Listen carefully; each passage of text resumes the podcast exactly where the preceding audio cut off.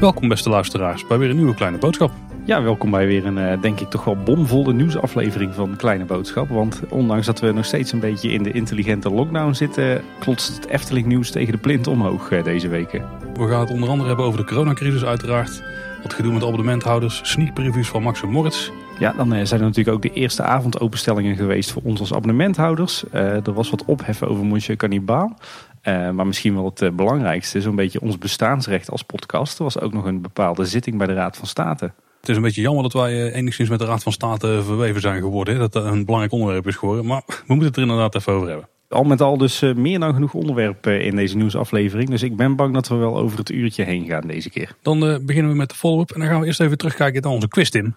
Toch weer eventjes. Ja, inderdaad. We hadden beloofd namelijk dat wij de vragen online zouden zetten. eh, In een pdfje met de antwoorden erbij. Daar is er vanuit onszelf er niet van gekomen. Maar inmiddels kun je ze toch vinden op onze website. Als je naar kleineboodschap.com slash quiz gaat, dan kun je daar nu een pdfje downloaden. En dan kun je dezelfde quiz nog eens naspelen. Dat is het leukste met je gezin of met een paar vrienden, denk ik. En eh, ja, we hebben zelf dus niks gedaan. We kunnen hier een luisteraar Shane voor bedanken. Dus Shane, hartstikke bedankt voor, de- voor het maken van de pdf. En eh daar kunnen alle luisteraars nu ook de quiz spelen. Ook al was je er niet bij op die eh, gezellige vrijdagavond. Precies, kleineboodschap.com slash quiz. En als je hem gaat spelen, dan moet je natuurlijk wel nog eventjes dat bestand in stukjes knippen. Maar dat gaat vast lukken. Of je scrolt gewoon niet door, dat mag ook. Ja, precies. Maar dat is vrij lastig als je met meerdere personen speelt natuurlijk. Hè? Oh ja, dat is wel waar. Uitprinten werkt, werkt wel het beste in dit geval. Dat is waar. Dan eh, aflevering 154, daar hadden we wat follow-up over gekregen. Toen hadden we het over die, eh, die fototechniek die ze bij Galaxy's Edge hebben gebruikt. Die soort mega zoom techniek. En dat blijkt dus een techniek te zijn die niet door Disney zelf is gemaakt. Want ik gaf toen aan van zou het tof zijn als de Efteling alles zelf in huis doet, kun je zulke dingen ook gaan doen. Maar dit is ook een extern ingekochte techniek. Die is van een Belgische start-up Panorama.me. En die is vorig jaar dus overgenomen door, ja ja, we kennen ze wel, Pixelf. Maar die zijn dus inmiddels failliet. Dus daar nou precies zit en wat dat voor Disney gaat betekenen met de actiefoto's, dat is nog een beetje onbekend. Maar er waren wel wat ideeën van als Disney een, een probleem heeft en het gaat om geld, dan eh, normaal gesproken gooien ze dan veel geld tegenaan. Al weet ik niet of dat ze het in dit geval gaan doen. Dit is toch nog een interessante ontwikkeling op een ander vlak dan bij de Efteling. Ja, precies. Ik geloof dat Disney ook niet echt eh, heel erg goed in de slappe was zit momenteel. Eh, maar goed, de, de- weinig kans denk ik dat we heel snel die techniek ook in de Efteling gaan zien. Overigens is de, het bedrijf heet Panora.me.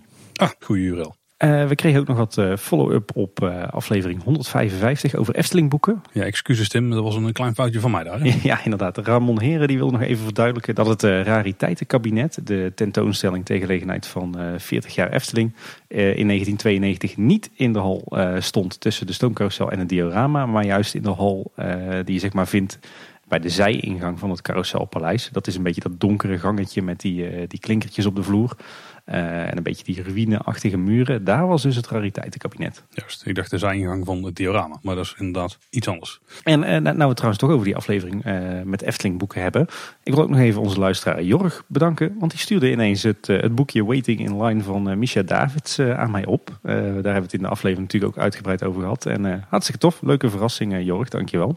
Dan aflevering 156, dat was de vorige nieuwsaflevering. Toen had het over Polka Marina en waarom die nu dicht was. Eh, en we kregen van Insider te horen dat Polka Marina vooralsnog echt is gesloten. Omdat er geen anderhalve meter afstand gehouden kan worden bij de instap. eh, tot de medewerkers en de bezoekers. Dus dat is het puntje waar het aan gaat. De afstand tussen de medewerker en de bezoekers. Ja, maar dat wil natuurlijk niet zeggen dat er eh, in de toekomst niks gaat gebeuren met Polka Marina en dat gebied daaromheen. Nee, dat klopt, dat klopt. We kregen ook nog een berichtje van Roy Jansen en die schrijft het Efteling push-up ijsje, dat nieuwe ijsje, dat is hetzelfde ijsje als het sprookjesboom ijsje, alleen dan zonder sprookjesboomsticker. En dat sluit natuurlijk netjes aan op het feit dat per juli dit jaar eh, producten met kinderhelden verboden worden en niet meer verkocht mogen worden. Nou, goed verhaal, duidelijk. Dat is inderdaad goeie, ja. En dan ook nog eh, nieuws over de podcast van de Efteling. Die is inmiddels ook echt te vinden in podcast-apps en op Spotify. Dus eh, we mogen nu bestempelen als echte podcast in. Ja, welkom eh, collega podcasters. Ja, welkom ja. Nou, en dan de hoofdonderwerpen. En dan beginnen we denk ik meteen met hetgene waar heel veel mensen voor hebben afgestemd op Kleine Boodschap deze week. ja, de never ending story. De zitting van de Raad van State die afgelopen 9 juni plaatsvond rondom het bestemmingsplan van de wereld van de Efteling. Eh, moeten we het toch heel even nog hebben over hoe het nou zit met die bestemmingsplanprocedure. Tim, hoe steekt het nou in elkaar? Waarom zijn we hier aangekomen op dit punt? Wil je de korte of de lange versie, Paul? Zullen we voor de korte gaan? Voor de lange dan verwijzen we naar oude aflevering. Ja, precies. We hebben het al vaak genoeg over. Uh, nee, nee, kort door de bocht uh, wil de Efteling natuurlijk ook in de toekomst uh, gaan uitbreiden. En ze willen fors gaan uitbreiden. Ze willen het pretpark aan de oost- en de westkant uitbreiden. Maar ze willen ook nog meer verblijfsrecreatie neerzetten. veel, veel veranderen aan het parkeren, aan de wegen in het gebied. Dat mag natuurlijk niet zomaar in Nederland. Dat betekent dat je een nieuw bestemmingsplan moet maken. Maar de Efteling is ongeveer vijf jaar geleden begonnen met het maken van zijn nieuwe bestemmingsplan. Dat begon al met een, eh, een uitgangspuntennotitie en een masterplan. Dat werd dan uh, iedere keer in samenspraak met bewoners van de gemeente opgesteld en afgestempeld door onze gemeenteraad. en vervolgens ging dat be nieuwe bestemmingsplan in procedure. Dan krijg je eerst een voorontwerpbestemmingsplan, dan een ontwerpbestemmingsplan en dan het uiteindelijke bestemmingsplan. Iedere keer natuurlijk ook weer met allerlei inspraakmogelijkheden en een goedkeuring van de gemeenteraad. Nou, uiteindelijk ligt daar een, uh, lag daar een aangepast bestemmingsplan uh, ongeveer anderhalf jaar geleden.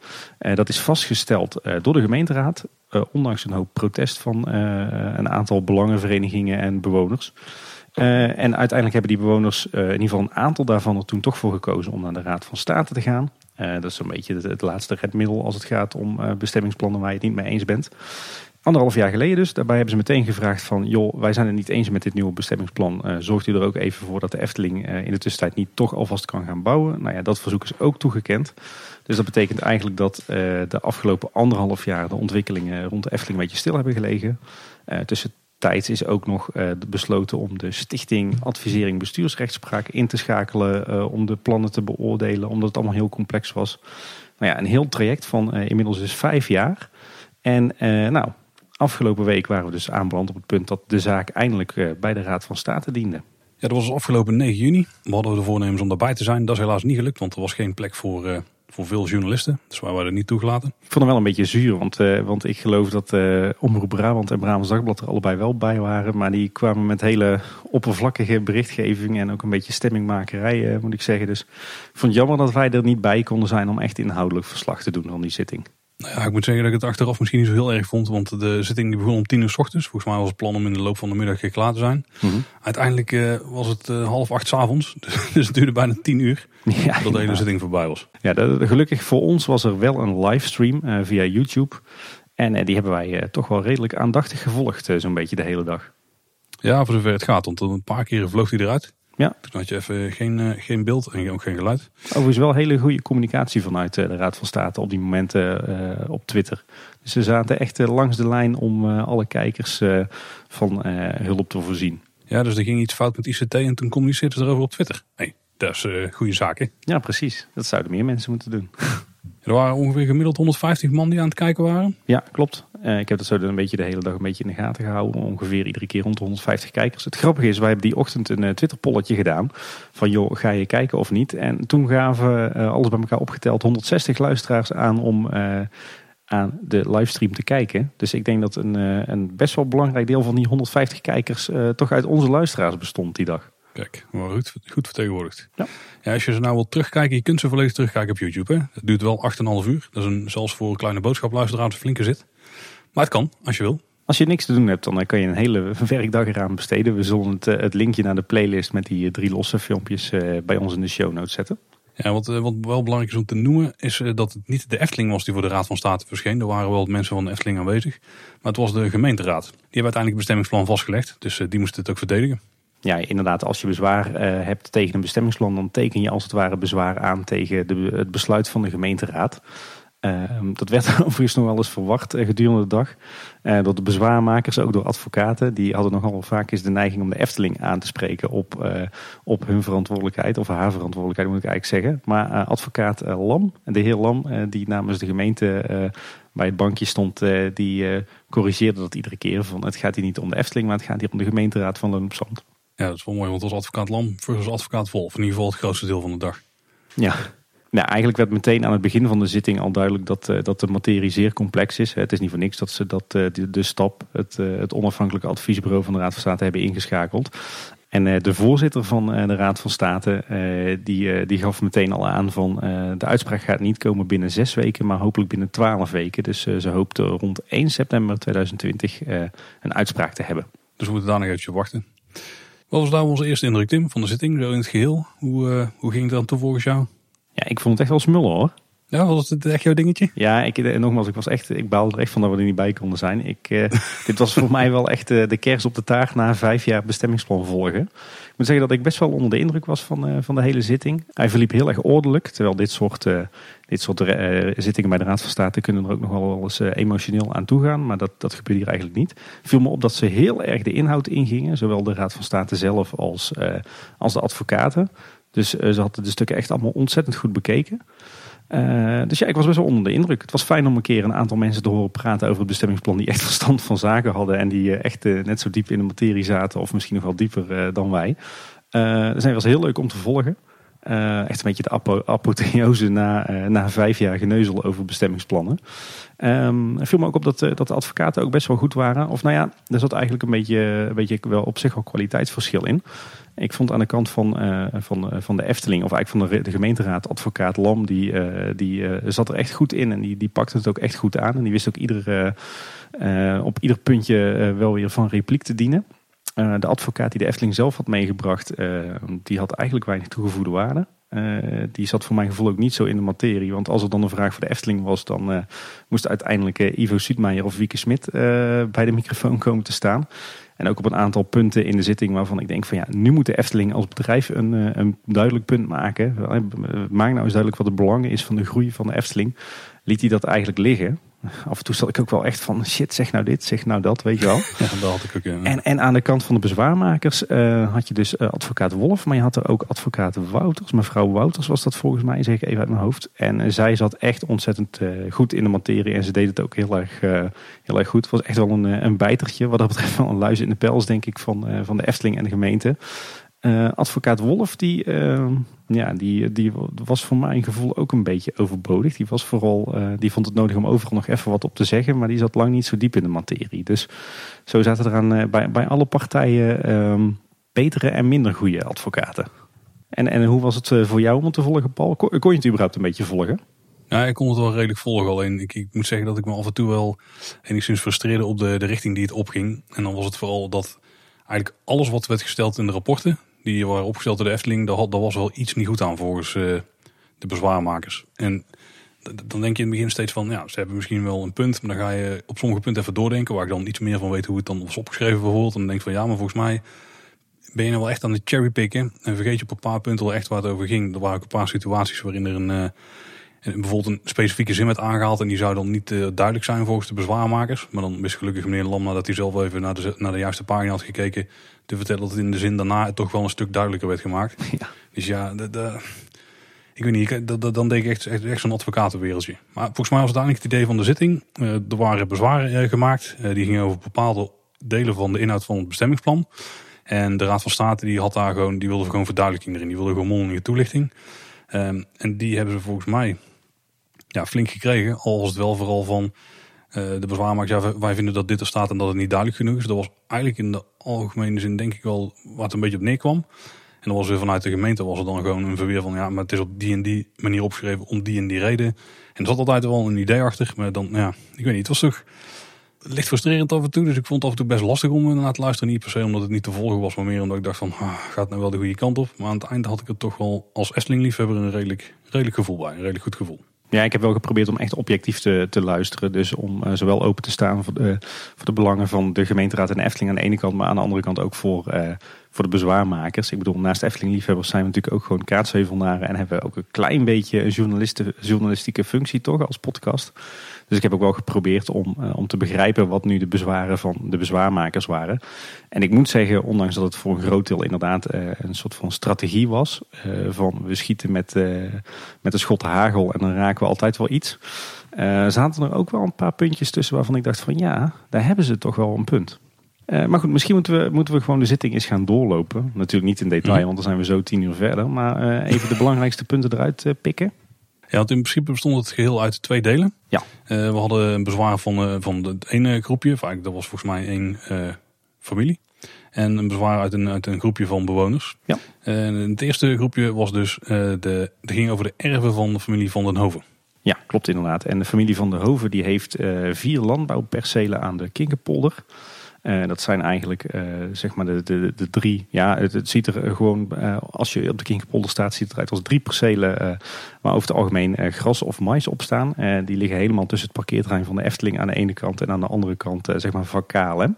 Eigenlijk als je vak KLM oprijdt, dus je gaat naar het overflow parkeerterrein, zeg maar, wat recent volledig geasfalteerd is. Dan heb je daar links van en rechts van, als je dus erop rijdt, heb je nog een veldje liggen. Naast het parkeerterrein. En, en daar, om die velden gaat het. Ja, je hebt ook nog zo'n eh, zo'n heel klein perceeltje mais staan zeg maar, tussen de, de, de plantenkast van de Efteling en het parkeerterrein. En dat is dus van de familie van den Hoven, of eigenlijk van de erfgenamen. En hun bezwaar was eigenlijk uh, enerzijds dat hun percelen nog slechter bereikbaar zouden gaan worden dan ze nu al zijn. Met name in de zomer de, de voor hun tractoren. Uh, en ze hadden ook het gevoel om nu volledig ingeklemd te worden door de Efteling. En verder vrezen ze de schaduwwerking op hun percelen, waardoor de opbrengst en de geschiktheid van de percelen om, om op te telen eh, af zou nemen. Nou werd daar al vrij snel op gereageerd van ja, maar eh, de, bereikbaarheid wordt niet slechter, want er verandert niks aan, eh, aan die weg. En qua schaduwwerking valt het ook allemaal wel mee. En later gaven ze ook nog aan dat, dat ze het onrechtvaardig vonden dat hun gronden niet zijn meegenomen in het bestemmingsplan. En de agrarische gronden zijn allemaal uit het plan gehaald. Want zij hadden gehoopt dat er juist ook op hun gronden de bestemming dagrecreatie zou komen te zitten. En later kwam een beetje de aap, de aap uit de mouw. Uh, ze hebben geprobeerd om, om hun gronden aan Efteling te verkopen al een hele tijd geleden. Ze zijn er niet uitgekomen over de prijs. en toen hebben ze zelf het besluit genomen van nou, dan gaan we zelf maar recreatie ontwikkelen hier, zo dicht bij de Efteling. zij zouden daar samen met een, een ontwikkelaar een hotel willen neerzetten aan de Kinkerpolder. Uh, en zij hadden het gevoel dat ze werden tegengewerkt door de gemeenteraad en de Efteling. Dus dat de Efteling als het ware een voorkeurspositie heeft eh, bij de raad. En vanuit de gemeenteraad kwam daarop terug van, nou ja, uh, een goed plan zou daar zeker passen. Maar jullie hebben tot nu toe een, een, onvoldoende concreet plan aangeleverd. ik geloof dat het een wazig filmpje was waar ze het over hadden. dus kregen ze terug van, ja, en daarom is dus, zijn jullie landbouwpercelen niet als recreatie bestemd. En ik denk dat het ook wel een opluchting is voor de Efteling. Want ja, ik weet niet of de Efteling heel erg blij zou zijn als uh, daar aan de weg richting de fietsenstalling uh, ineens een hotel komt te staan van een ander. Ik denk dat die daar best wel uh, tegen zouden gaan procederen. Dat denk ik ook. En niet alleen dat trouwens. Ik denk dat als diezelfde percelen zich moeten houden aan de regels die ook gelden voor de Efteling percelen. Dus zoveel meter uit vanaf de weg mag je pas bouwen. Er moet een groene wal tussen zitten. Er moeten hoop bomen omheen komen staan. de minimale hoogte vanaf zoveel meter vanuit de straten die, moet, die mag maar zo hoog zijn. En pas verder op het perceel mag je zo hoog bouwen. Ik denk dat er niet zo'n heel indrukwekkend ding zou kunnen komen staan als ze diezelfde regels moeten hanteren. Nee, dat denk ik ook niet. En, en ook qua parkeren en, en qua bereikbaarheid zal het ook uh, uiteindelijk nooit uh, de toets uh, doorstaan. Ik denk eerlijk gezegd dat ze gewoon rancuneus zijn dat ze de gronden nooit aan Efteling hebben kunnen verkopen voor een goede prijs. En dat ze nu op iedere mogelijke manier de Efteling dwars willen zitten. Dus vandaar ook hun bezwaar met de Raad van State en, en hun plannen om de recreatie te ontwikkelen. Dat blijkt ook wel uit het feit dat ze eigenlijk nooit een, een echt concreet plan hebben aangeleverd bij de gemeente. En ook een stukje bereikbaarheid. Ik denk dat die uiteindelijk misschien zelfs wel omhoog gaat. Dat is dan wel de verre toekomst. Want er zijn ook gewoon dingen opgenomen in het bestemmingsplan dat ze over de weg heen mogen bouwen. Ja, klopt. Dus de aanvoerwegen naar het nieuwe parkeerterrein zeg maar, over de huidige weg heen kunnen. Waardoor je er gewoon onderdoor kunt. En dan heb je helemaal geen uh, direct kruisend verkeer meer. Klopt. Maar later in hun pleidooi kwamen ook nog twee andere bezwaren uit de Hoge Hoed. Uh, zo hebben twee van de erfgenamen hebben ook een woning aan de Kinkerpolder, dat weggetje. Uh, en zij vrezen geluidsoverlast uh, van zeg maar, de westelijke uitbreiding van het, het pretpark. daar kregen ze eigenlijk op te horen vanuit de advocaat van de gemeente van ja, jullie zijn te laat, want jullie zijn hier pas meegekomen nadat jullie naar de Raad van State zijn gegaan. En bovendien zijn het maar twee van de erfgenamen. Dus geldt het niet voor alle bezwaarmakers. Dus dit telt niet. Alleen de Raad van State die had zoiets van ja, maar we willen er toch serieus naar kijken. Want we kunnen het maar beter meteen meenemen. En gelukkig was, uh, was de advocaat van de gemeente daar ook op voorbereid. Want uit berekeningen zou blijken dat uh, de overschrijding van de geluidsnormen uh, eigenlijk maar heel klein was. En dat een geluidsscherm van maar liefst 1 meter hoog al afdoende zou moeten zijn. 1 meter hoog, maar die komt dan op die wal of zo te staan die eromheen ja. komt? Of? En het grappige is dat uh, een van de rechters van, uh, van de Raad van State, een staatsraad heet dat, uh, kwam ik achter, dat hij het had over een Python-resistent geluidsscherm. Ja, ja, ja. Dat kwam ook omdat de, de advocaat van de bezwaarmakers daarmee kwam. Van, stel dat ze dan een Python daar naast je huis bouwen, dan moet gewoon geluidsoverlast geven. Maar toen, dat was een van die momenten dat ik dacht van, ik hoop dat ze daar niet in trappen, want het plan is helemaal niet om daar buiten achtbanen te gaan bouwen. Nee. Het wordt een grotendeels overdekt, of in ieder geval binnen gebied wat daar zou moeten gaan verschijnen. Dus ja, een achtbaan die, die komt daar gewoon niet. Dus een beetje loos argument. Ja, het, het, uh, pleidooi nam uiteindelijk nog een, licht, lichtjes bizarre wending. Want het bleek dat ook heel recent de projectontwikkelaar van Wanrooy nog bezwaren probeerde in te dienen. die zijn namelijk van plan om vier of vijf nieuwbouwhuizen neer te zetten aan de Kinkerpolder. Op twee percelen die, die recent zijn leeggesloopt. Uh, dus er komen nieuwe huizen, die staan praktisch in de Efteling. En um, terwijl dat ze die plannen aan het ontwikkelen zijn, willen ze dus eigenlijk ook naar de Raad van State om vervolgens bezwaren in te dienen tegen, tegen de plannen van de Efteling. Dat is natuurlijk een beetje krom. Maar de Raad van State zei daar ook van, van ja, die zijn veel te laat. Die zijn echt met hun, uh, hun eieren naar Pasen. Dus uh, daar trapten ze gelukkig niet in. En dat was eigenlijk het eerste rondje met bezwaarmakers. Dat duurde niet eens zo heel lang. Dat was in het begin van de ochtend. Was na een goed uur was het inderdaad afgelopen. maar toen begon eigenlijk het, het, het gros van de zitting. En dat was het bezwaar van de bewoners van de Bernshoef en de Heideweg. En die werden dus uh, vertegenwoordigd door advocaat Wolf. Die kennen we inmiddels qua naam. Ja, advocaat Wolf en, uh, en uh, advocaat Wouters dus. De dame die, die heel erg bij de pinken was. overigens is, is die groep wel uitgedund. Want dat begon ooit met een veel grotere groep. zo waren er een heleboel bewoners in Kaatsheuvel West. Die eerder al een hoop bezwaar hadden aangetekend tegen de uitbreidingsplannen van de Efteling. En natuurlijk campinghouder Matthijssen. die van minicamping de Bernse Hoeve. Uh, nou, die beide partijen zijn, uh, zijn weggevallen. Uh, de bewoners van Kaatsheuvel West die waren eigenlijk al content met de aanpassingen die de gemeenteraad een tijdje terug heeft gedaan. En campinghouder Matthijssen is helaas overleden. en zijn erfgenamen hebben er ook voor gekozen om niet meer verder te procederen tegen de Efteling.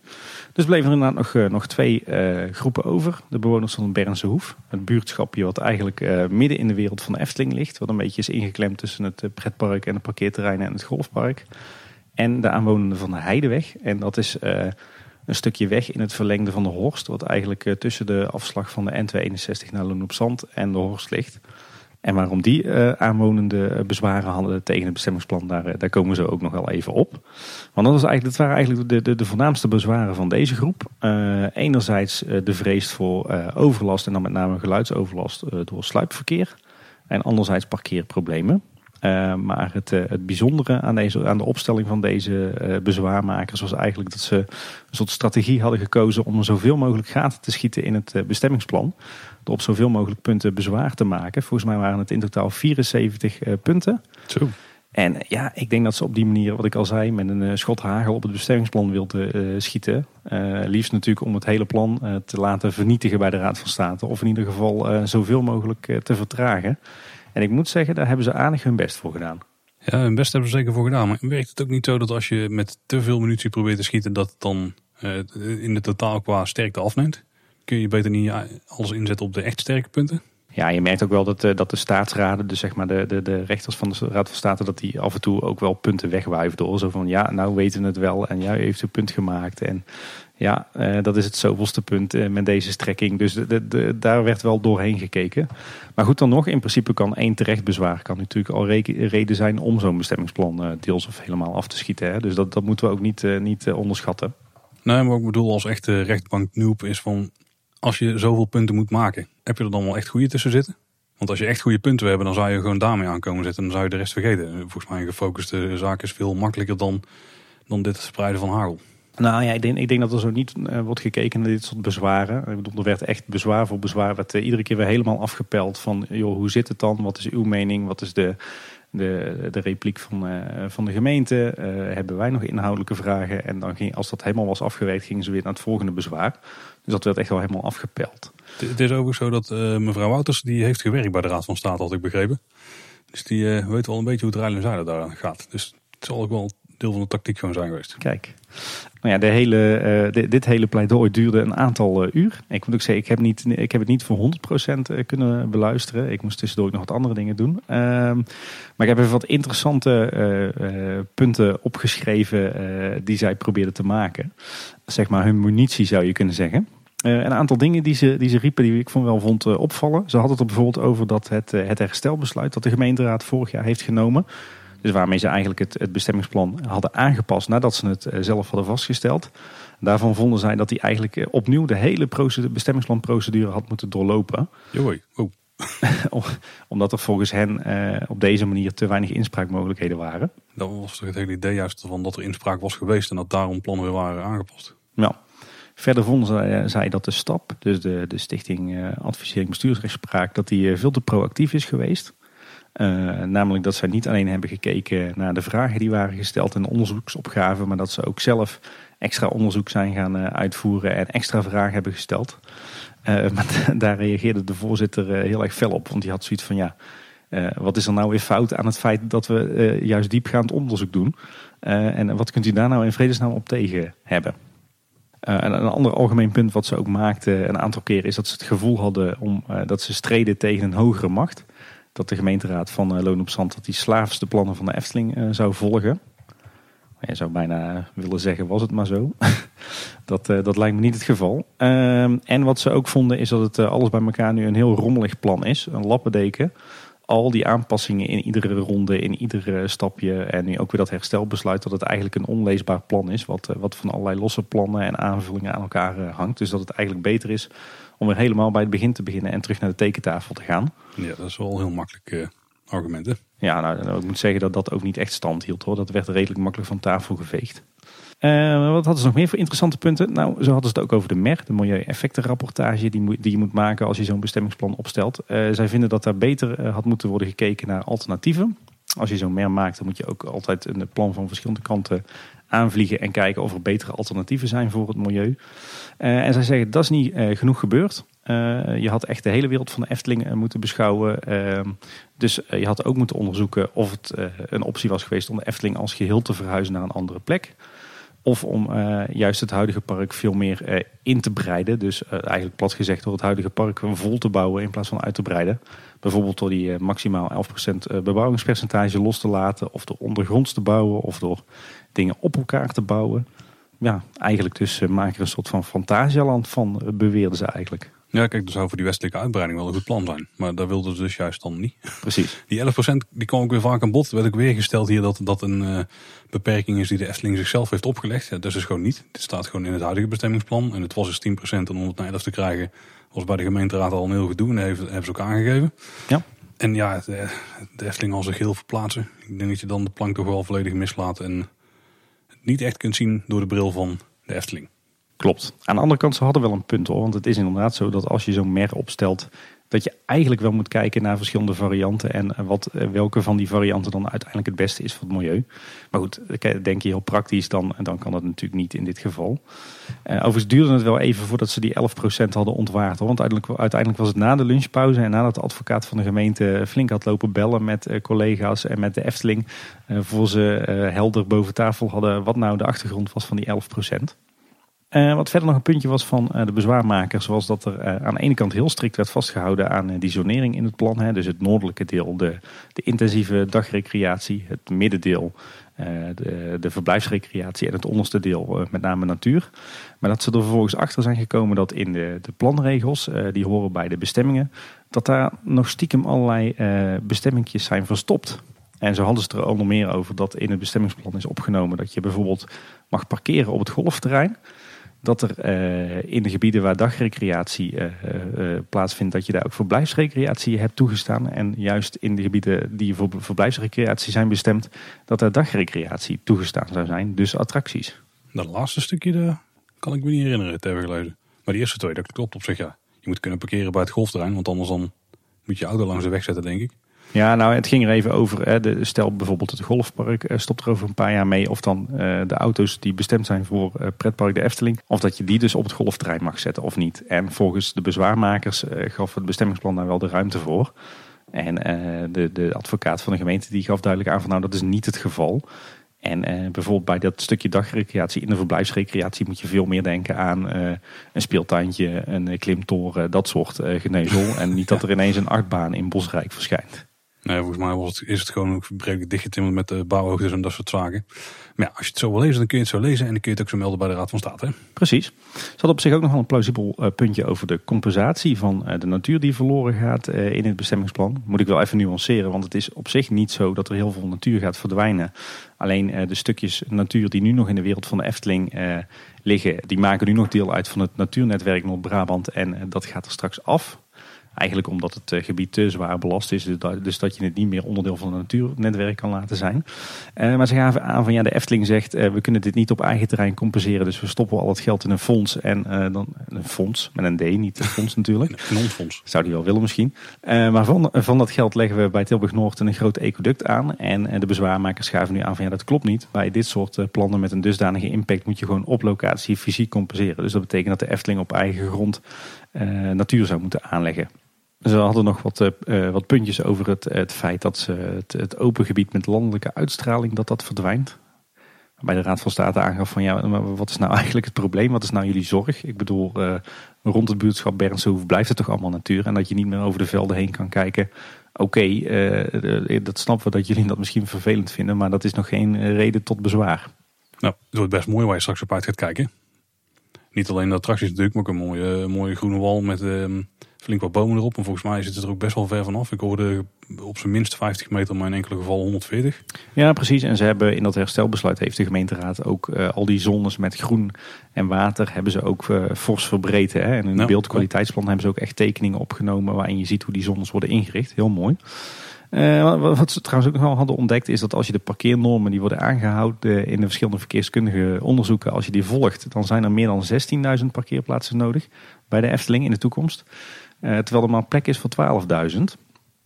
Uh, eh, maar de advocaat van de gemeente kwam al vrij snel met een slimme opmerking. En die had het erover van ja, let op. Uh, in de zomerperiode komt het ook vaak voor dat een aantal parkeerplaatsen gewoon twee keer per dag gevuld worden. S ochtends. En als die bezoekers weg zijn gegaan, vervolgens weer door, door de, de, bezoekers die s'avonds komen. Ja, ik zat er ook over na te denken. Want stel je hebt volgens hem met 7 miljoen bezoeken, heb je 16.000 parkeerplaatsen nodig. Dat zou betekenen dat je met 5,5 miljoen bezoeken iets van 13.000 nodig zou moeten hebben. Maar dat zouden ze dan nu al nodig moeten hebben. Ja. Maar zo hebben ze er helemaal niet, want ze hebben iets van 8000 parkeerplaatsen nu. Ja. Dus die 12.000 zou meer dan voldoende moeten zijn. Dan zouden ze zelfs tot de 7,5, 8 miljoen uh, mee moeten kunnen bedienen. Ja, en de advocaat Wouters die gaf aan dat er eh, ongeveer 3000 auto's eh, per dag fout parkeren in de kern van Kaatsheuvel. Dan schoot ze toch wel een beetje naar eigen voet, want dat kwam niet heel erg geloofwaardig over. 3000? Ja. Oké. Dan staan ze tot, dan staan er heel dorp heen, denk ik. Maar goed, dat, was een beetje zeg maar, de strategie hè, van we schieten zoveel mogelijk gaten in, in al die rapporten en bestemmingen die er zijn. Uh, maar waar ging het nou eigenlijk echt uh, om? We hebben het er al een klein beetje over gehad. Een grootste probleem was eigenlijk de, de verkeersoverlast die ze vrezen in het, het buurtschap Bernse Hoef. ze zeggen, er is nu al veel sluipverkeer in ons buurtschap. en in de toekomst wordt het alleen maar meer. zeker als jullie gebruik gaan maken van een zuidelijke ontsluiting. En die zuidelijke ontsluiting, eh, voor degenen die dat vergeten zijn, dat gaat er natuurlijk om, eh, om een nieuwe route naar de Efteling voor verkeer vanuit het zuiden, dus verkeer vanuit richting Tilburg. Om drukke dagen gaan die er eh, straks bij de, de afrit Loon op Zand af. En via de Heideweg en de Horst worden ze dan richting de Efteling geleid. Waar ze terechtkomen op een nieuw parkeerterrein of parkeergarage ter hoogte van Café de Efteling. Of ze gaan over de Eftelingse straat richting de nieuwe parkeerterreinen in het westen.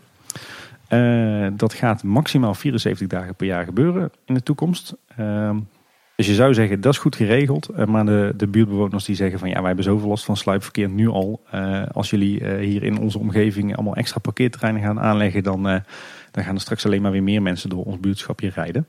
Dus daar hadden ze grote bezwaren tegen. Ja, dit vond ik een slecht verhaal, Tim. Want volgens mij is het zo dat als je daar via die zuidelijke ontsluiting naar de Efteling wil, dan moet je ook echt over die zuidelijke ontsluiting heen komen. Want die gaat al heel snel over Efteling terrein heen. Want anders kun je het hele parkeerterrein niet opkomen. Dus dat was een, een slecht argument. En wat ook wel mooi was in deze, en dat ging volgens mij ook over parkeeroverlast. Is dat de Raad van State vroeg aan de gemeente, zijn er, van jullie, zijn er bij jullie klachten bekend over eh, dit, uh, dat er incidenten voor zijn geweest?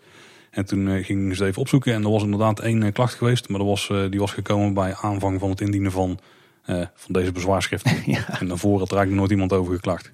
Ja, de, de, reactie van de advocaat van de gemeente was ook van ja, joh, we gaan straks het verkeer eh, geleiden met uh, matrixborden boven de N261. Dus zo worden die routes straks aangegeven. Uh, die, maximaal 74 dagen per jaar, dat is echt, daar, daar krijgen jullie echt een waarborg voor. Hè. Dus het gaat nooit vaker dan 74 dagen per jaar gebeuren. Um, dus ja, dat was een beetje de discussie. De, uiteindelijk gaf de gemeente wel toe dat er heel af en toe wel eens sprake was van sluipverkeer in de Bernse Hoef. Uh, maar de bewoners zeiden van nee, dat gebeurt heel vaak. Er zijn die Belgen die met wees allemaal naar de Efteling komen. Dat hadden wij al geconstateerd. Ja, nou ja, ik moet zeggen, een bewoner uh, die maakte de opmerking, die kwam naar voren naar de microfoon van ja, sinds de Horst is aangepast, uh, hebben wij veel meer verkeer door ons buurtschapje heen. Dat werd een beetje weggelachen door iedereen. Maar ik denk dat hij daar toch wel een punt eh, heeft. Want de Horst, eh, zoals die er vroeger lag, eh, was natuurlijk een 80 kilometer weg eh, tussen Kaatsheuvel en Loon op Zand. Nou ja, nu is het een... eh, 60 hè? was dat een 60 weg? Ja. Ah, hmm. nou goed, ik dacht dat het een, een 80 weg was. Ehm, maar goed, een, een heel deel van die route is nu natuurlijk langzaam verkeer geworden. En het is allemaal veel smaller en, eh, en, en met, met scherpere bochten. Dus ik kan me best voorstellen dat mensen die eh, vanuit Kaatsheuvel naar Loon op Zand willen... of richting Tilburg door het buitengebied... dat die nu sneller voor eh Bernse Hoef zullen kiezen. Maar dat is toch ver om dan? Eh, Ik vind dat een bijzo- een bijzondere route om dat op die manier te doen. Waarom zou je niet over de snelweg gaan? Gaat het dan vooral om tractoren? Nou, dat ligt er natuurlijk aan vanuit welke hoek van Kaatsheuvel dat je komt. Ik moet eh, bekennen dat ik zelf ook wel eens eh, via Bernse Hoef eh, richting Tilburg rij. Hoor. Nee Tim, dat heb je niet gezegd. St- Oh ja. Nou, nou, het grappige was, ik vond dit, want dit was voor hun denk ik het allergrootste punt. En ik snap ook wel waar het vandaan komt hoor. Ehm, nou kan eigenlijk niemand van die groep bezwaarmakers het goed onder woorden brengen. Maar waar ik denk dat het probleem een beetje zit, is op de drukke zomerdagen ehm, staat natuurlijk eh Kaatsheuvel redelijk vast. Eh, of althans, de, de, de Europalaan staat redelijk vast. Ehm, dat wordt wel steeds minder sinds die wisselstroken. Maar goed, wat je wel ziet is dat mensen die in Kaatsheuvel zelf wonen en die het dorp uit willen, dat die dus op zulke soort drukke dagen allemaal via de Bernse Hoef het dorp uitrijden. Ja, oké. Dus het wel sluipverkeer komt vanuit een, een hele andere hoek. En wat ik ook denk, wat, wat kwaad bloed heeft gezet bij die mensen, is eh, de Efteling heeft, volgens mij was het in 2018, misschien in 2019, maar ik dacht 18, hebben ze na een aantal zomeravonden hebben ze proeven gedaan. Eh, om de verkeersoverlast op de Europalaan eh, te verminderen, hebben ze toen gezegd van nou dan laten we eh, de mensen die op vak KLM staan en die op het overloopparkeerterrein staan, die laten we eens op verschillende manieren uitrijden. Niet meer allemaal over de Europalaan, maar toen hebben ze één avond hebben ze al dat verkeer over de Bernse Hoef eruit gegooid. Eén avond al het verkeer via Kaatsheuvel zelf en één avond hebben ze het half-half gedaan. Ja, dan moet je dus voorstellen, je woont daar in de Bernse Hoef in je boerderijtje met je rieten kap. Je zit aan tafel, je hebt net nog even Omroep Max gekeken, de spritsen opgegeten van de dag ervoor. Dan ga je om tien uur naar bed, gordijntjes dicht. Helemaal geen stereotypering dit in. nee. En dan om, eh, om 11 uur, half 12 s'avonds, dan denderen ineens duizenden auto's eh, bij jou eh, langs het boerderijtje onaangekondigd. Of misschien wel aangekondigd, maar ik kan me voorstellen dat dat wel een, een schrikbeeld is van die mensen hoor. Nou, volgens mij wordt er ook wel weergegeven door de gemeente op dit punt. Met, ehm, met nu de wisselstroken er zijn en hoe effectief die eigenlijk zijn in het afvoeren van Ja. eh, de mensen aan het eind van de dag. Dus volgens mij, ja, ik denk dat dit niet zo'n enorm groot probleem meer gaat zijn. Tim, vooral als jij gewoon dan eh, over de Dreefse weg gaat rijden. Ja, daar, heb je ook wel gelijk in. Maar ik vind het wel goed eh, voor een stukje journalistiek, om het zo maar te noemen, om toch ook even de, de andere kanten van het verhaal te belichten. Hè? Overigens eh, waren ze ook bang voor parkeeroverlast. En dan vooral van auto's eh, die bij hun in het buurtschap in de berm gaan parkeren in plaats van bij de Efteling.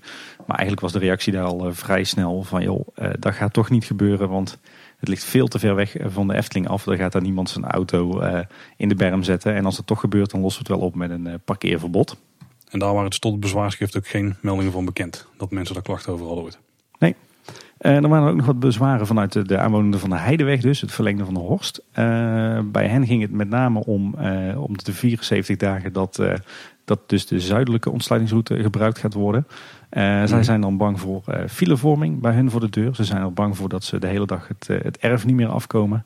En ze hadden ook, hebben ook vrees voor de, de vele pendelbussen die daar gaan rijden. Waarop eh, de, de gemeente eigenlijk aangaf van, nou ja, sowieso, nogmaals, het zijn echt maximaal 74 dagen per jaar. Wat stiekem natuurlijk best nog wel veel is. Eh, maar ze gaven ook aan van ja, Efteling verkeer, dat, zijn- dat gaat altijd in pieken. Een grote piek aan het begin en een grote piek aan het eind van de dag. Dus het is niet zo dat u de hele dag niet, eh, niet van huis kan. En eh, die pendelbussen die gaan rijden, eh, dat zijn er maar een maximaal aantal. En daar heeft u eigenlijk ook geen last van. Want die pendelbussen die gaan rijden eh, vanaf de parkeervoorziening ter hoogte van Café de Efteling. En wat we volgens mij niet hebben aangehaald, is dat het grootste deel van het verkeer gewoon via de noordelijke ontsluiting gaat. Want volgens mij was die verhouding ongeveer drie kwart tot één kwart. Misschien nog wel ruimer zelfs richting het noorden. Dat zie je nu al. Hè. Je ziet dat, eh, dat eh, de, de, de route vanuit het zuiden, vanuit Tilburg, dat die een veel kleinere aansluiting heeft eh, op de afslag Efteling dan de, de route vanuit Waalwijk op dit moment. Ja. Dus dat verkeersaanbod is veel lager. Dus hun vrees kwam eigenlijk nog een beetje uit het tijdperk dat het nog de bedoeling was om bij de, de afrit van de N261 om daar een heel groot parkeerterrein op afstand aan te leggen. Want met de huidige plannen komen er eigenlijk geen pendelbussen bij hun door de straat. Maar het was ook de familie aan de Heideweg die met de klachten kwam over die Natura 2000 gebieden, toch? Over de stikstofdepositie is bijna helemaal niet gegaan volgens mij. Nou, daar is het inderdaad niet over gegaan. Maar dat komt eigenlijk, of in ieder geval amper. eh, dat komt eigenlijk omdat de stap eh, in hun, eh, hun eindrapport aan de Raad van State heeft aangegeven dat de maatregelen die de Efteling neemt, dat die voldoende zijn om binnen de normen te blijven. En zelfs binnen de aangescherpte normen. Dus stikstof is in het geheel geen, geen probleem meer voor deze plannen. Dankzij het feit dat eh, de Efteling dus de pachtcontracten met een aantal boeren heeft opgezegd. eh, waardoor op de gronden van Stichting Natuurpark de Efteling eh, niet meer geboerd wordt. En geen mest, wordt, eh, mest meer wordt uitgereden. En bovendien eh, hoorden we natuurlijk recent eh, de ontwikkeling dat er ook een boer in de omgeving van de Efteling gaat stoppen. Waardoor er nog meer ruimte komt eh, voor stikstofdepositie door de Efteling. Ja. Dus dat is niet meer in vragen. Er is veel besproken tijdens die zittingen. Er kwamen ook een paar opvallende zaken naar boven. Die wij nog niet eerder helemaal zo duidelijk hadden gekregen. Nee, klopt inderdaad. Eh, op een gegeven moment hoorde ik, eh, ik eh, iemand zeggen dat, er, dat de Efteling ook nog gronden heeft in eigendom buiten het, het, het plangebied waar nu een nieuw bestemmingsplan voor wordt gemaakt. Dus de Efteling heeft zelfs nog meer grond dan wij nu al weten. En op een gegeven moment stelde de, de staatsraad ook nog de vraag van... Efteling, vertel nu eens, wat gaat u nu doen aan de, in de westelijke uitbreiding van het pretpark? Wat gaat daar komen? Hoe moeten we dat voor ons zien? En toen zat ik eh, natuurlijk eh, mezelf te verkneukelen. Klaar, ja. Ik denk, gaan we nu eindelijk eens horen wat er, eh, of dat uitreiker komt of toch een second gate. Maar nee, Wieke, Wieke Smit, de manager bestuurlijke zaken, die kwam naar voren en die zei... het worden vooral binnenattracties, maar niet inpandige attracties mogen ook. En nogmaals, dat is dus een stuk waar ze 60% van de grond mogen bebouwen. Dus dat is echt enorm veel. En ik denk dat er inderdaad, ja, wat, wat dan niet inpandige attracties zijn. Ik kan me voorstellen dat er ook gewoon modus komen en invuls die buiten zijn. Ja. Maar volgens mij, is- tenminste als ik de plannen lees, dan zie ik vooral eh, een hoop grote attracties die binnen zijn. Een trekschuitje in het, eh, het eh, piekse stadje wat het uitreik gaat zijn. Ja, daar ook bijvoorbeeld. ja. Ja, ja.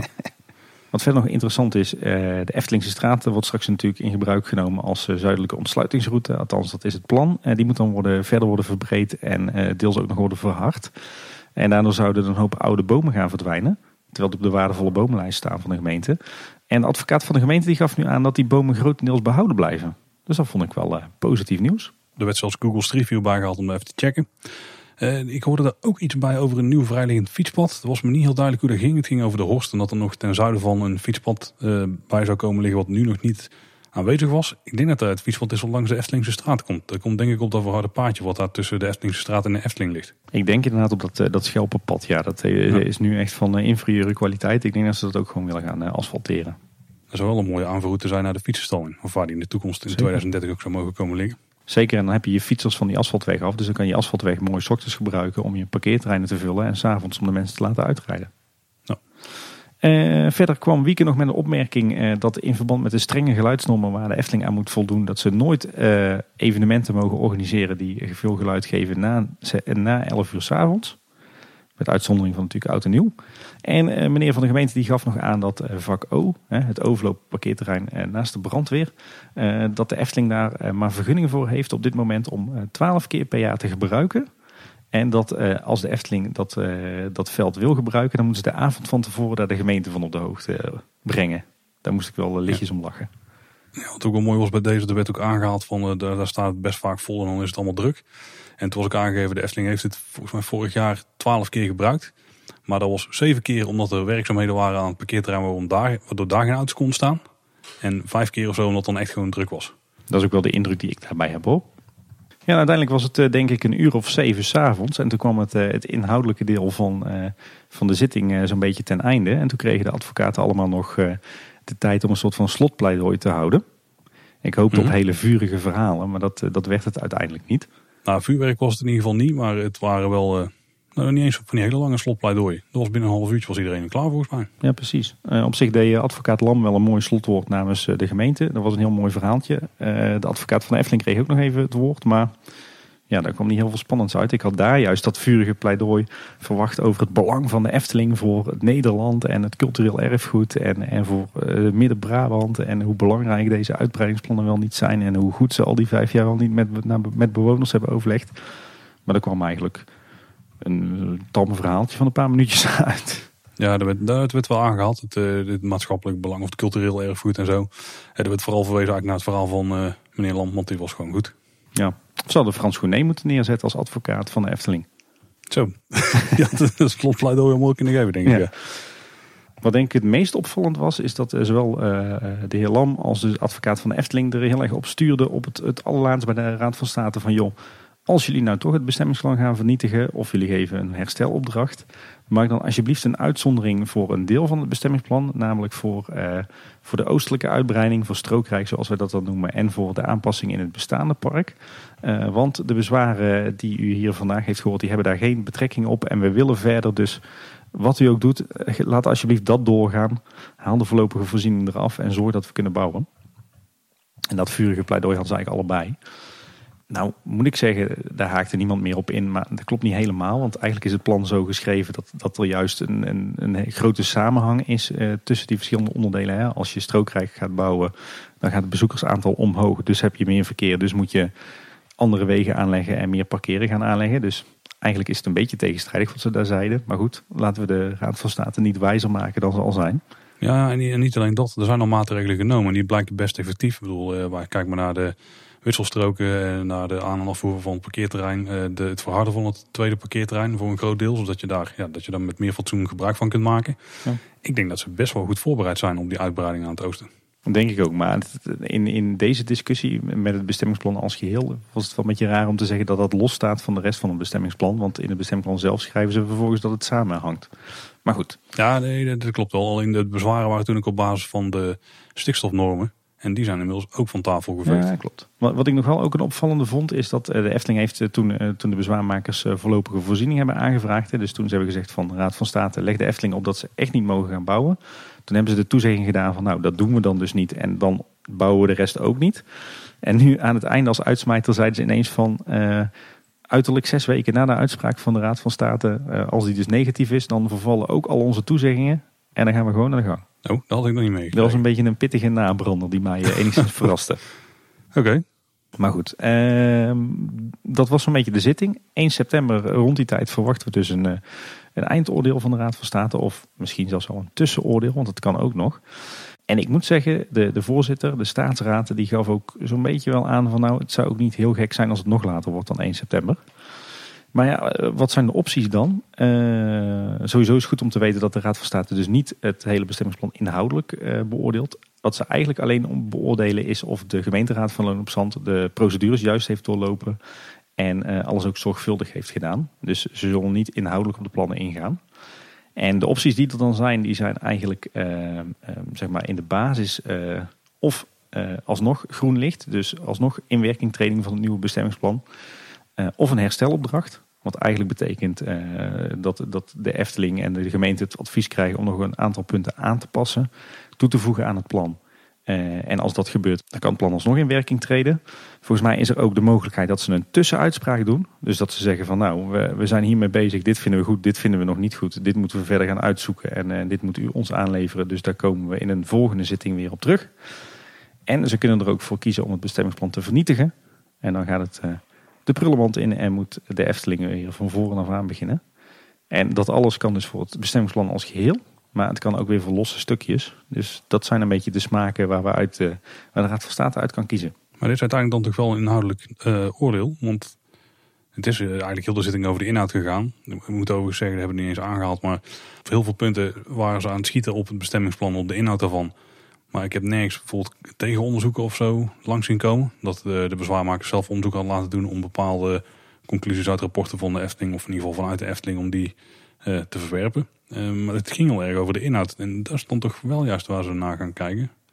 Of is bij een juiste procedure, uh, komt daar dan een, de juiste inhoud ook uit? Nou, ze kijken, eigenlijk heeft de gemeenteraad alles zorgvuldig onderzocht. Hebben ze de belangen zorgvuldig afgewogen? Is overal naar gekeken? Zitten er geen fouten in? Dus uh, dan gaat het niet, niet zeggen om de inhoud van vinden wij het nou goed of slecht, vinden wij het mooi of niet mooi. Uh, uh, dus ze geven geen kwalitatief oordeel, maar ze kijken wel, is alles netjes volgens de regeltjes en klopt alles. Dus ja, kijken ze niet naar de inhoud, dat is een, een beetje dus een grijs gebied, zeg maar. Ja, ik wil zeggen, want stel ze hebben het allemaal goed doorlopen, maar de inhoud slaat helemaal nergens op, dan zou ze het gewoon kunnen door laten gaan. Of zou je moeten zeggen, als de procedures goed zijn doorlopen, dan zou de inhoud wel ergens op moeten slaan. Ja, zo, zou je, zo kan je okay. dat zien, ja. ja. Oké. Okay. Ja. Er was ook een nieuwe ontwikkeling voor, uh, vlak voor de zitting eigenlijk. Uh, op 8 juni kwam een artikel uit dat, dat, de commissie die was ingesteld om de stikstofaanpak van het kabinet te checken, dat hij daar niet helemaal blij mee was. Dus heeft het nou nog invloed op de plannen van de Efteling? Ja, de, de- ik geloof dat de conclusie van die, eh, eh, van die commissie was dat, dat de overheid nog verdergaandere maatregelen moet gaan nemen om eh, de stikstofuitstoot terug te dringen. We gaan 90 rijden. Ik vind prima, cruise control aan en... eh, Dan kun je achter de vrachtwagens hangen. Nee, eh, ik, volgens mij is het zo, en dat, wat we net ook al aan, aanhaalden, dat, eh, dat de Efteling dusdanig eh, veel maatregelen neemt. eh, ook dankzij het feit dat, dat er dus een boer stopt en dat andere boeren moeten stoppen omdat hun pacht niet wordt verlengd. eh, dat de Efteling daardoor ruimschoots binnen die normen blijft. Mooi. En dan was er ook nog een interview met ons fonds in het Brabants Dagblad op de dag van de zitting zelf. Vooruit, dat was dus een beetje vooruitlopend op die zitting en wat er allemaal ging gebeuren. En daarin gaf hij nogmaals aan, 2020 wordt het slechtste jaar ooit en dat leidt tot een miljoenenverlies. Ja, ik vond het wel een heftige uitspraak hoor, een miljoenenverlies voor de Efteling. Dus meestal maken ze nou, een tien, enkele tientallen miljoenen winst. Volgens mij 15 tot 25 is een beetje de range waar ze meestal in zitten. Dus het verlies wat ze nu in deze maand hebben gedraaid, dat zal daar ongeveer zijn. Ongeveer 10 miljoen heb ik ergens gelezen volgens mij. Ehm, en nu gaan ze natuurlijk op verminderde capaciteit draaien. En ze hebben wel nog gewoon de onkosten aan personeel. Dus ik denk, ja, kan wel iets bij voorstellen. Ik denk als ze break-even draaien deze maanden, dat ze al heel blij mee mogen zijn. Maar ik vraag het me af. Dat denk ik ook, ja. Fonsie gaf ook aan dat de Efteling de capaciteit van het park nog kan uitbreiden met 50 of tot 50 procent. En dat zou ongeveer om 15.000 bezoekers per, eh, nou, per moment gaan, denk ik, of per dag. Per dag, ja. Dat is ongeveer eh, gezellige drukte, zeg maar. Of gezellige bedrijvigheid, zoals het dan vroeger heette. Dat is gezellige bedrijvigheid, ja. En hij gaf aan, eh, we doen geen investeringen alleen als het echt moet. En als corona onder controle is, dan pakken we de uitbreidingen weer op. Ja, dat was eigenlijk de, het hoofditem van eh, dat interview. Ehm, want eerder is altijd gezegd, zodra de Raad van State een uitspraak doet, dan gaat meteen de schop in de grond.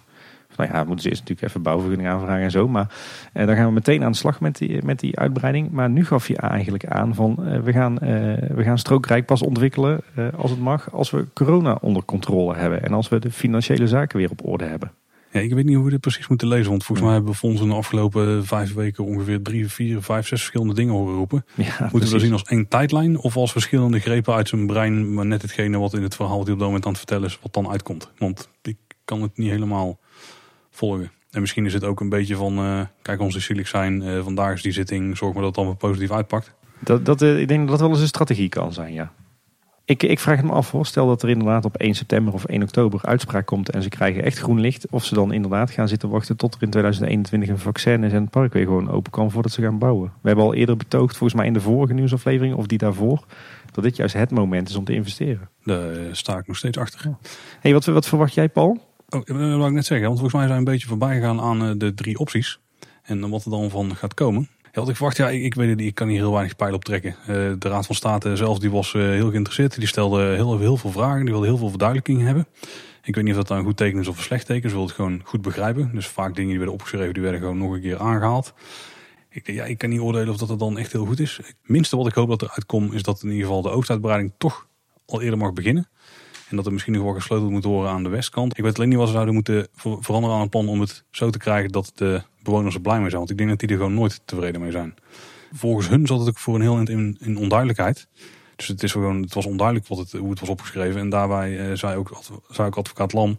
Ja, kijk, het is zo. Dit is een attractiepark en die bedienen de markt. En we weten nu nog niet wat over tien jaar interessant is. Dus we kunnen hier niet een exact ingevuld masterplan aanleveren... waar alle gebouwtjes al op ingetekend staan... waar alle attractietypes al op ingetekend staan... Want u weet wat de ontwikkelingen over vijf jaar zijn, over vijftien jaar. Er zijn nog dingen waar we nu geen beslissing over kunnen nemen. Dus we moeten het vaag houden met wat er exact komt. Maar we hebben wel heel duidelijke regels gesteld en heel, hele duidelijke beperkingen gesteld. eh, van binnen welke grenzen we alles moeten kunnen realiseren, zeg maar. En ik denk dat dat best een goed verhaal is. Er zijn er misschien best van de 74 punten die ze aanhaalden, misschien wel enkelingen die, ja, die wel tot problemen kunnen leiden bij de Efteling. Of in ieder geval waar verduidelijking nog nodig is. Als ik een beetje van wat ik heb meegekregen van hoe dat dan denk ik dat daaruit slechte situaties zijn. Dat er gewoon nog meer verduidelijking nodig is. Maar of dat dan de bezwaarmakers ooit tevreden zullen zijn, dat twijfel ik heel erg aan. Ja, ik denk dat die pas eh, tevreden zijn als, eh, als het bestemmingsplan wordt vernietigd. Of eh, als de Efteling ze uitkoopt. iets, iets in die richting. Maar dat zijn twee dingen die ik niet per se verwacht. Ik denk dat het vooral vertraging is. Dat echt het doel is. Ja. Ja, dat bleek wel uit alles. Ik moet zeggen, ik verwacht eerlijk gezegd niet dat de Raad van State het bestemmingsplan gaat vernietigen. Het zou fijn zijn als ze meteen groen licht eh, zouden geven. Maar dat verwacht ik eerlijk gezegd ook niet. Want dat gebeurt ook niet heel vaak bij de Raad van State met dit soort ingewikkelde procedures. Ik verwacht dat eh, ze het merendeel wel eh, prima gaan vinden. Maar dat ze de Efteling, of de gemeente dan eigenlijk dus, toch een paar herstelopdrachtjes meegeven. Misschien nog even kijken naar die verstopte bestemmingen in, in de planregels om die wat te concretiseren. Ja, verstopt tussen airquotes, want ze staan er letterlijk in. ja, precies. Eh, misschien dat ze nog wat moeten met, met toezeggingen over, eh, over het parkeren en het, eh, het verkeer. Misschien nog een extra geluidswalletje hier of daar. Eh, iets in die richting. Maar ik, ik verwacht dat soort kleine aanpassingen nog en dat het daarna echt eh, goed is.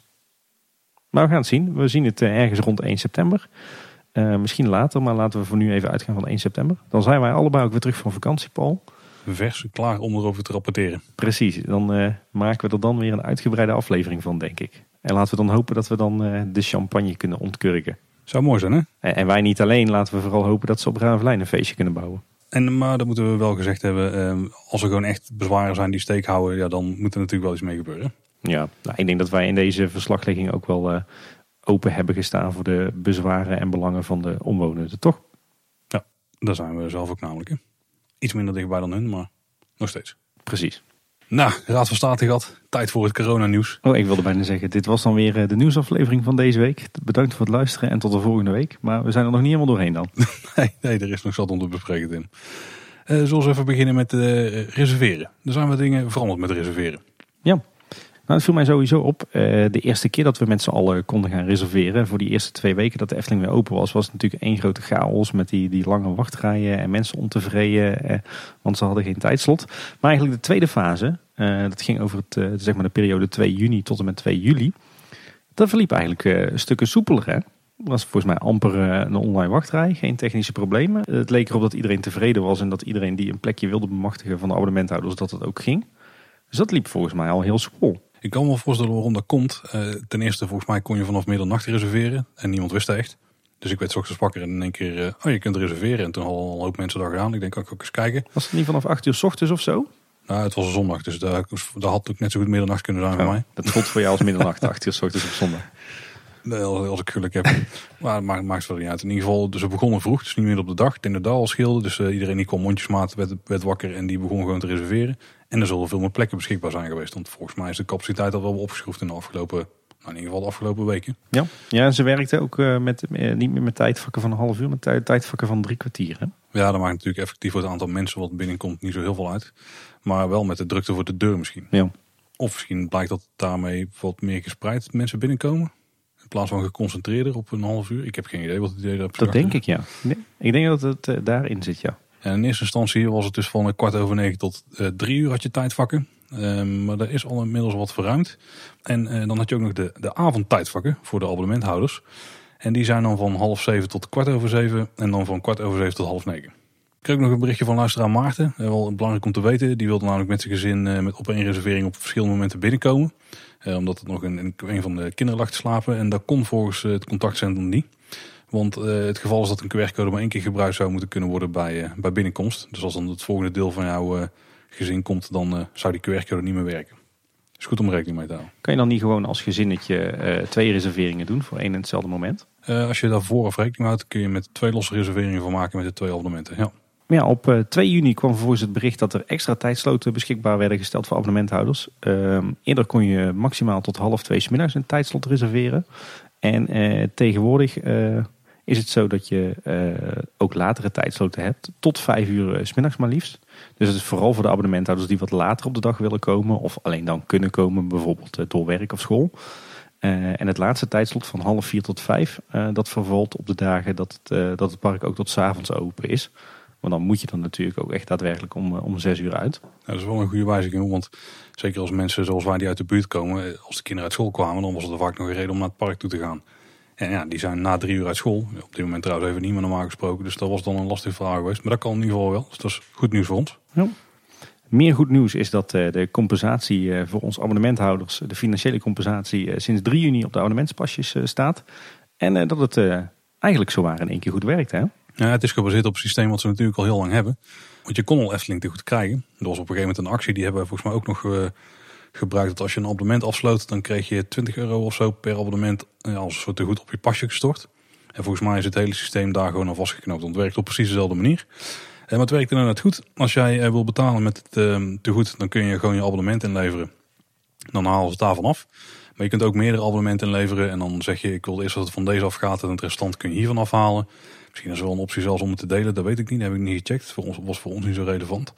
Zo interessant van je saldo, dat komt dan op het bonnetje te staan. Je kunt het ook altijd checken in je Efteling account. Volgens mij kun je het nog niet checken in de app. Het zal een mooie toevoeging zijn als het ook nog kan. Ja. Werkt, uh, werkt supergoed. Ik heb er zelf overigens nog geen gebruik van kunnen maken. Want uh, op het moment dat we dit opnemen, uh, ben ik nog niet voor een tweede keer een hele dag naar de Efteling geweest. Dus de, de, eerste keer dat wij weer naar de Efteling konden, toen werkte dat systeem nog niet. Maar ik hoor volop positieve reacties. Ja, het was wel zo, iedereen kreeg um, één of meerdere mailtjes. Een beetje afhankelijk van hoeveel abonnementen je had op welke e-mailadres die stond. Ik kreeg volgens mij drie en vrouwlief kreeg ook nog eentje. Dus daar zit een parkeerabonnement bij van de kids, van mezelf. Daar kreeg je allemaal losse mailtjes van.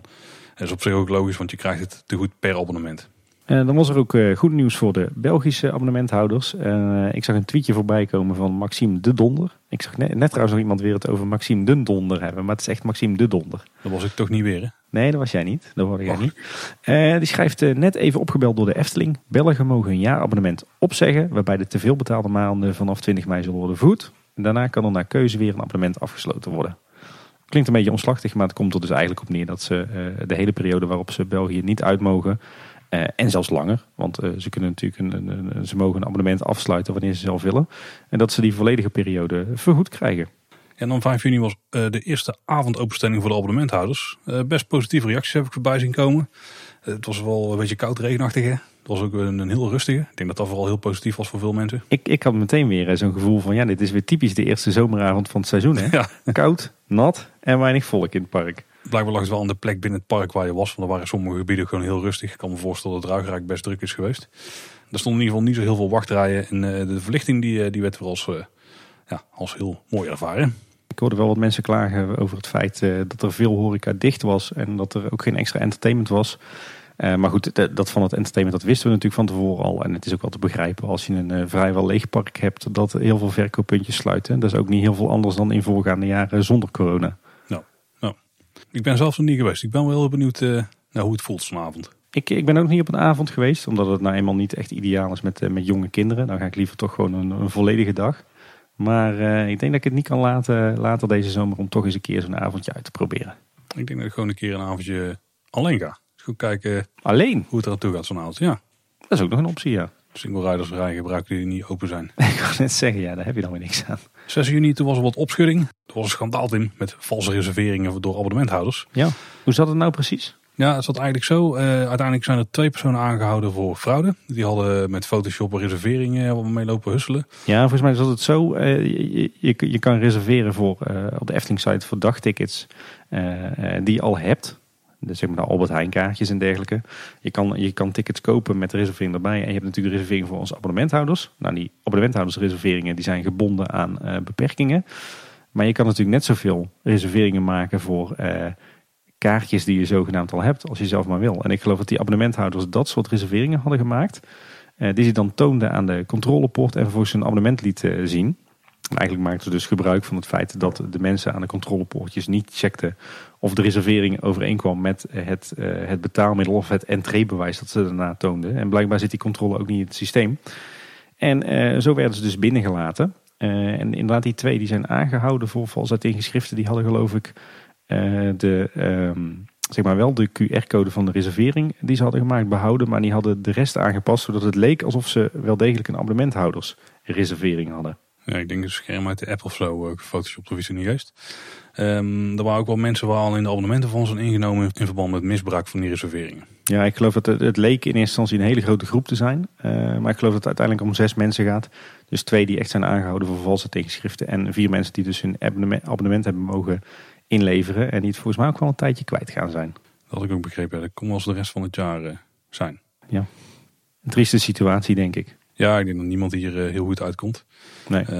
Ja, kijk, het is zo, er zijn spelregels. Eh, ik denk dat de abonnementhouders, uh, die weten gewoon wat die spelregels zijn. Ja, dan ga je buiten de lijntjes kleuren en er zitten risico's aan. En in dit geval eh, pakken die heel, heel slecht uit. Ja, Misschien was het chique geweest om, om een flinke waarschuwing te geven. Maar ja, het zijn niet, het zijn niet de regels zoals ze horen. Ik denk dat de abonnementhouders die zich er schuldig aan hebben gemaakt... dat die nooit gedacht uh, hebben dat dit zulke consequenties kon gaan hebben. Ik denk dat ze gedacht zullen hebben van we proberen het gewoon en we zien wel waar het schip strandt. Nou, in het slechtste geval worden we gewoon geweigerd. Ja, dus dan krijg je natuurlijk de deksel op je neus als je dan uh, de rest van het jaar niet met de Efteling in kan. Aan de andere kant, het is natuurlijk ook niet heel erg uh, sociaal. Hè? Want door dit soort eh, technieken te gaan gebruiken, benadeel je in feite alle andere abonnementhouders. En de Efteling, want die hadden ook anders tickets gaan kunnen verkopen. Precies. Kortom, alleen maar verliezers. Dus een hele jammerlijke ontwikkeling. En ik denk dat we er het verder niet meer over moeten gaan hebben. En op 8 juni kwam Loopings met een artikel over Monsieur Cannibal. En daarin stond, bovendien is de Efteling niet van plan om de komende tijd grote wijzigingen door te voeren bij attracties. De financiële situatie laat dit niet toe. De focus ligt nu op de continuïteit van de Efteling. Ofwel gewoon zorgen dat alle rekeningen betaald kunnen blijven worden. En geen geld steken in dingen die niet nodig zijn. Ja, dus dit sluit eigenlijk al aan wat we eerder deze aflevering al zeiden. De Efteling gaat echt niet meer investeren. Ik denk ook echt dat ze even wat minder eh, onderhoud gaan eh, uitvoeren aan attracties. Uh, dat we niet hoeven te hopen op heel veel leuke nieuwe details overal. Of leuke nieuwe aanpassingen. Ze gaan echt het hoognodige doen en niet meer. En ik denk dat dat gezien de financiële situatie ook wel een hele verstandige keuze is. Ja, dus vrouw Holle, het huisje daarvan gaat nog eventjes uh, duren denk ik, voordat we die weer gaan zien. Ja, dat, dat, vind ik wel een tricky. Want ik zou daar juist van zeggen van, nou ja, die, die moeten we echt wel snel nog even herbouwen. Want we kunnen echt niet zonder dat huisje. Maar... Ja, ik denk dat dat, dat, dat niet zo essentieel wordt geacht hoor. Nee, ik, ik, we hebben ook nog geen schop in de grond gezien. Dus zou zomaar eens 2021 kunnen zijn. Tim, 9 juni 2020. Mooi. Toen is er een hele belangrijke wijziging gedaan in het reserveringssysteem voor uh, in ieder geval de abonnementhouders. Ja. Vanaf 9 juni kunnen abonnementhouders twee reserveringen tegelijk hebben lopen. En er zit wel een verschil tussen die twee reserveringen. Dus je kunt niet gewoon twee uh, random reserveringen hebben. Nee, je kan één specifiek één reservering hebben. Een normaal, zoals je die eigenlijk al kon maken. Dus die kun je over een week hebben, of voor over drie weken, of voor over een maand. Net hoe lang je de tijd voor kunt toelaten. En daarnaast kun je ook nog een last minute reservering maken. En die geldt dan voor vandaag of morgen. Uh, en, dat is echt een, een andere reservering. Die moet je ook via een andere route maken. Er zijn ook andere tijdsloten voor. En die komen ook echt alleen maar op die momenten open. En ik denk dat het ook een beetje gebaseerd is misschien op afzeggingen. Of dat ze daar gewoon een soort flexibel setje plekken voor hebben of zo. Dat denk ik, ja. Dit is echt een uitkomst. Want ik ben er toch al een paar keer tegen aangelopen dat ik dacht van... Dat de kinderen ook vroegen van, ik wil naar de Efteling. En dat ik dacht van, ja, dat gaat niet. Want onze reservering is pas over anderhalve week. Ja, precies. En dat je dan gaat kijken op de site en dat dan toch blijkt dat de plekken open zijn. Maar daar kon je dan op dat moment niet heen. En dat probleem is eigenlijk gewoon niet helemaal mee, mee gefixt. Ja, dit is, dit is perfect. Hè. Dit is perfect voor de mensen eh, die, die heel dicht in de buurt wonen. Maar ook perfect voor de, de, de Efteling-fans en liefhebbers die het liefst zo vaak mogelijk gaan. En het lost inderdaad uh, uh, best wel een praktisch probleem wat jij ook al beschrijft. Ja. Nou, ik moet wel toegeven dat wij er nog geen gebruik van hebben gemaakt. Um, dat komt omdat op dit moment dat we dit opnemen, kan dit ook pas net. Maar we hebben het wel in gedachten om de komende tijd heel goed in de gaten te houden en af en toe toch wel eens gebruik van te maken. Ik vind dit een, een ontzettend sympathieke stap van de Efteling, waarmee ze echt aangeven dat ze echt wel kijken naar, naar de belangen van onze abonnementhouders en de, de zaken waar wij tegenaan lopen. Want ze hadden dit natuurlijk niet hoeven te doen. Dus echt chapeau. Dit is echt een, een sublieme optimalisatie van het systeem. Dit is echt een goede optimalisatie. Ja. Maar dus wel even in de gaten houden. Het is echt een losse reserveringsroute die je daar moet, daarvoor moet bewandelen. Eftelstads heeft, heeft dus ook weer een aparte pagina uh, gemaakt. Waar je dus kan zien hoeveel plekken er nog zijn. Uh, eftelstads.nl slash parkreserveringen slash last minute. Uh, we zullen hem ook wel even linken in de show notes. Maar daar kan je dus real-time zien hoeveel last minute kaartjes er nog zijn. Verrekkenzendig. Wat je inmiddels ook kunt doen is reserveren voor de tijdsloten van de zomer. Dus van 3 juli tot en met 30 augustus kun je reserveren. En daar gaat dus ook over de avonden. Ja. Ik ben wel benieuwd hoe dat zou gaan. Zou ik last minute voor avonden kunnen reserveren straks? Ik denk het wel, waarom niet? Nou, zou mooi zijn, ja. In ieder geval uh, is dit nu een flinke periode. Hè, waar we ooit begonnen met een uh, periode van twee weken. Kunnen we nu dus uh, gaan reserveren voor een periode van twee maanden. Met ook nog eens iedere dag twee tijdvakken. Ja, nou ruim twee maanden zelfs. Ja. Dus ik denk dat we hier weinig, weinig problemen mee gaan zien met mensen die, die geen kaartjes kunnen krijgen op de momenten dat ze eigenlijk naar de Efteling zouden willen.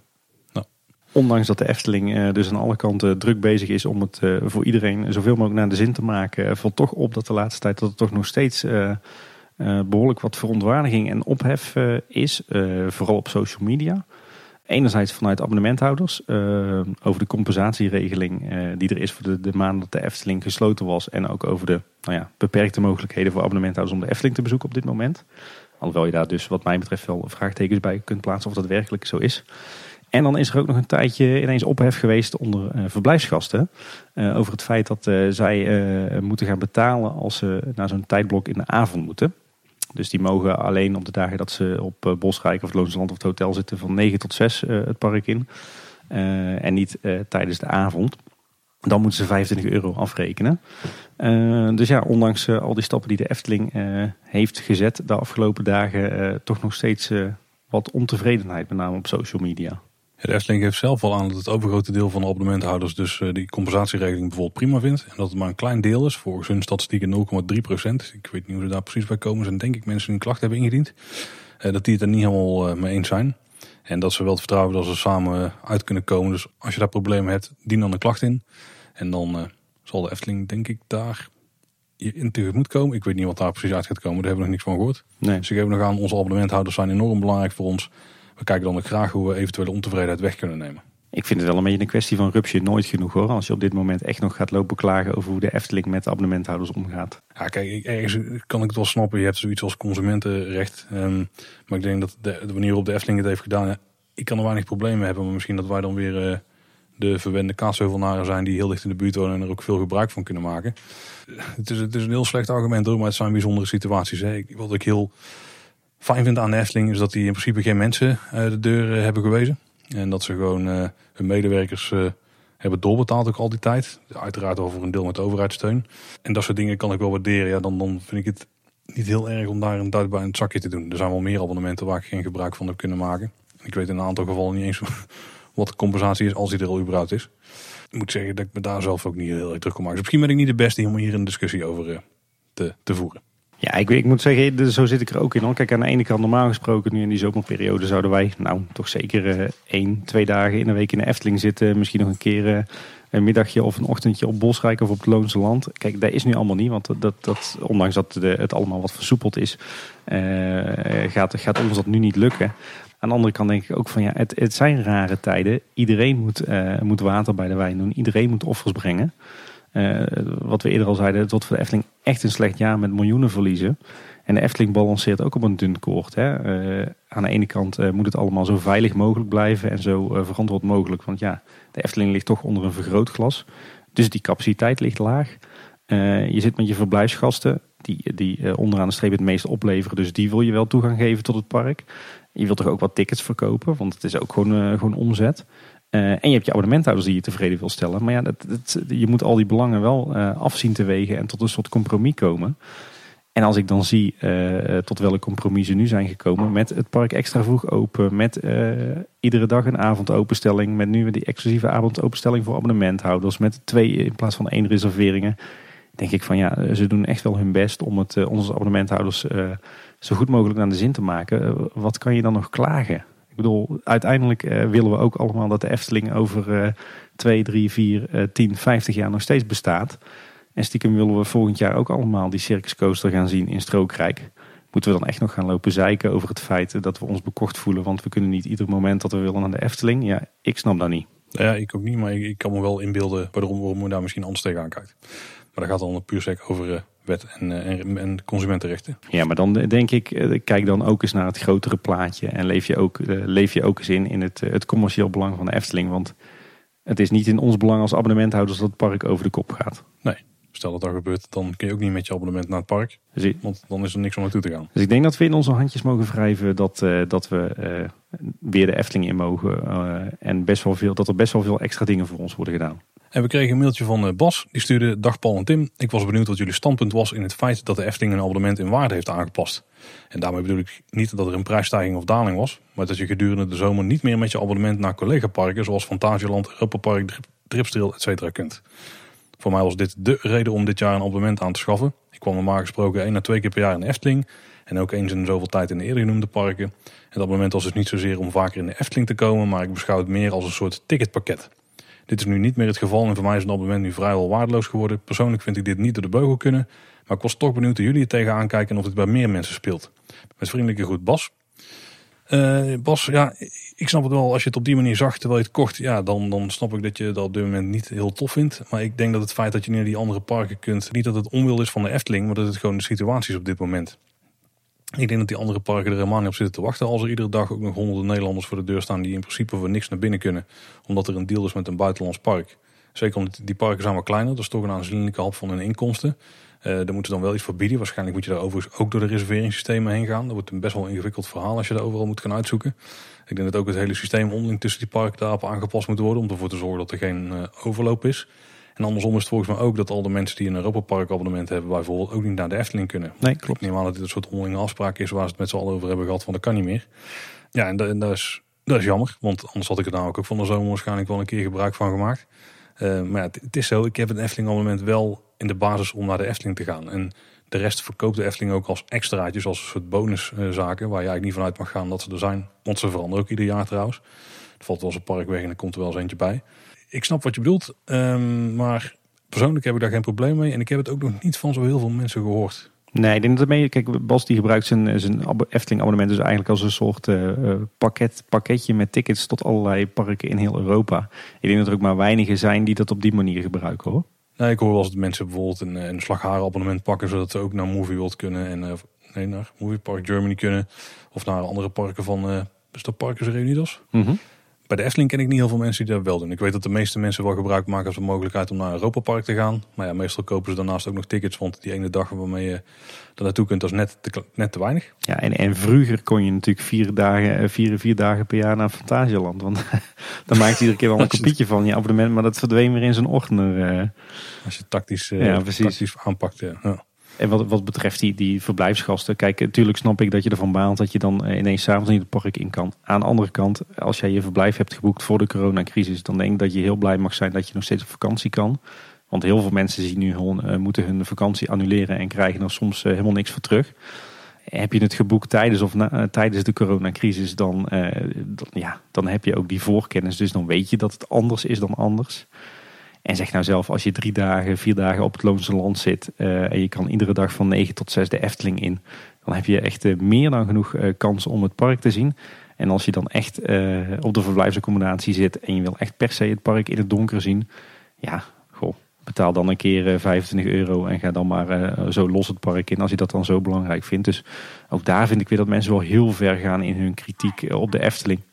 Dus ook op dat punt vind ik weer van ja, mensen maken het allemaal, elkaar wel allemaal heel erg moeilijk hoor. Laten we, laten we nou eens gewoon beseffen dat het een rare tijd is en dat we allemaal offers moeten brengen. En laten we nou elkaar niet het leven meer zuur maken dan strikt noodzakelijk, toch? Ik ben het ermee eens, Tim. Maar uh, Overigens over de verblijfsaccommodaties uh, gesproken. Die draaien allemaal weer. Zijn allemaal weer open. Draaien volgens mij ook allemaal weer, weer op behoorlijk uh, forse capaciteit.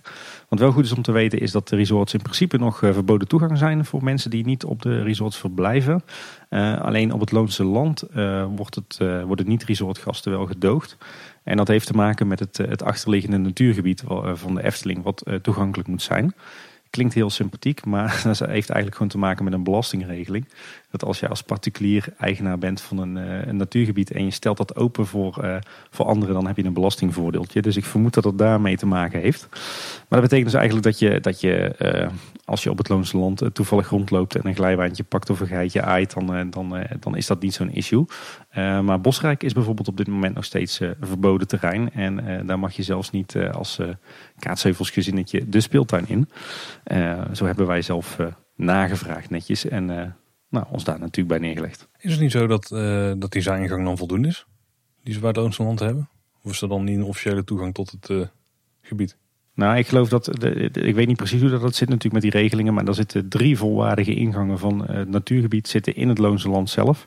Dus ik kan me voorstellen als je dat volledig verboden terrein maakt, dat het gebied niet meer echt toegankelijk is. Zeker niet voor mensen die vanuit het dorp Kaatsheuvel die kant op lopen. Oké. Dan uh, was er eigenlijk nog best wel een hoop nieuws over het entertainment uh, in deze uh, bijzondere coronatijd. Want er werd eigenlijk aan het begin aangekondigd, of eigenlijk een paar weken terug van... joh, je gaat bijna geen entertainment meer terugvinden in de parken. Maar dat lijkt steeds meer mee te vallen. Je hebt het begin van de dag, dan heb je dus de sprookjesfiguren, of de Eftelingfiguren eigenlijk. Die staan dan op het Huis van de Vijf Sintuigen, op het podest daarboven. En dit gebeurt ook tijdens de avondopenstelling voor abonnementhouders. Dan staan ze op het podest bij het Efteling Theater. Want dan kom je namelijk binnen via de de kassas aan de zijkant, waar ze ook een heel kassaplein hebben gemaakt trouwens met allerlei tijdelijke hokjes. Um, er zijn ook minimaal acht voorstellingen per dag in het Sprookjesbos Theater. Jouw uh, favoriete hangout, uh, Paul? Echt wel, daar ben ik nog niet geweest gelukkig. Yes. En tijdens de avondopenstellingen zijn daar nog extra shows te zien. En dat zijn dan Yoki of Jet. Dat is natuurlijk de one-man shows. Hè. Uh, de Sprookjesboomshow en Efteling figuren. Maar hoe daar dan met de laatste precies zit? Ja, daar heb ik ook nog niet kunnen ontvaren hoe het nou precies werkt inderdaad. En dan vanaf 13 juni is Aquanura weer te zien.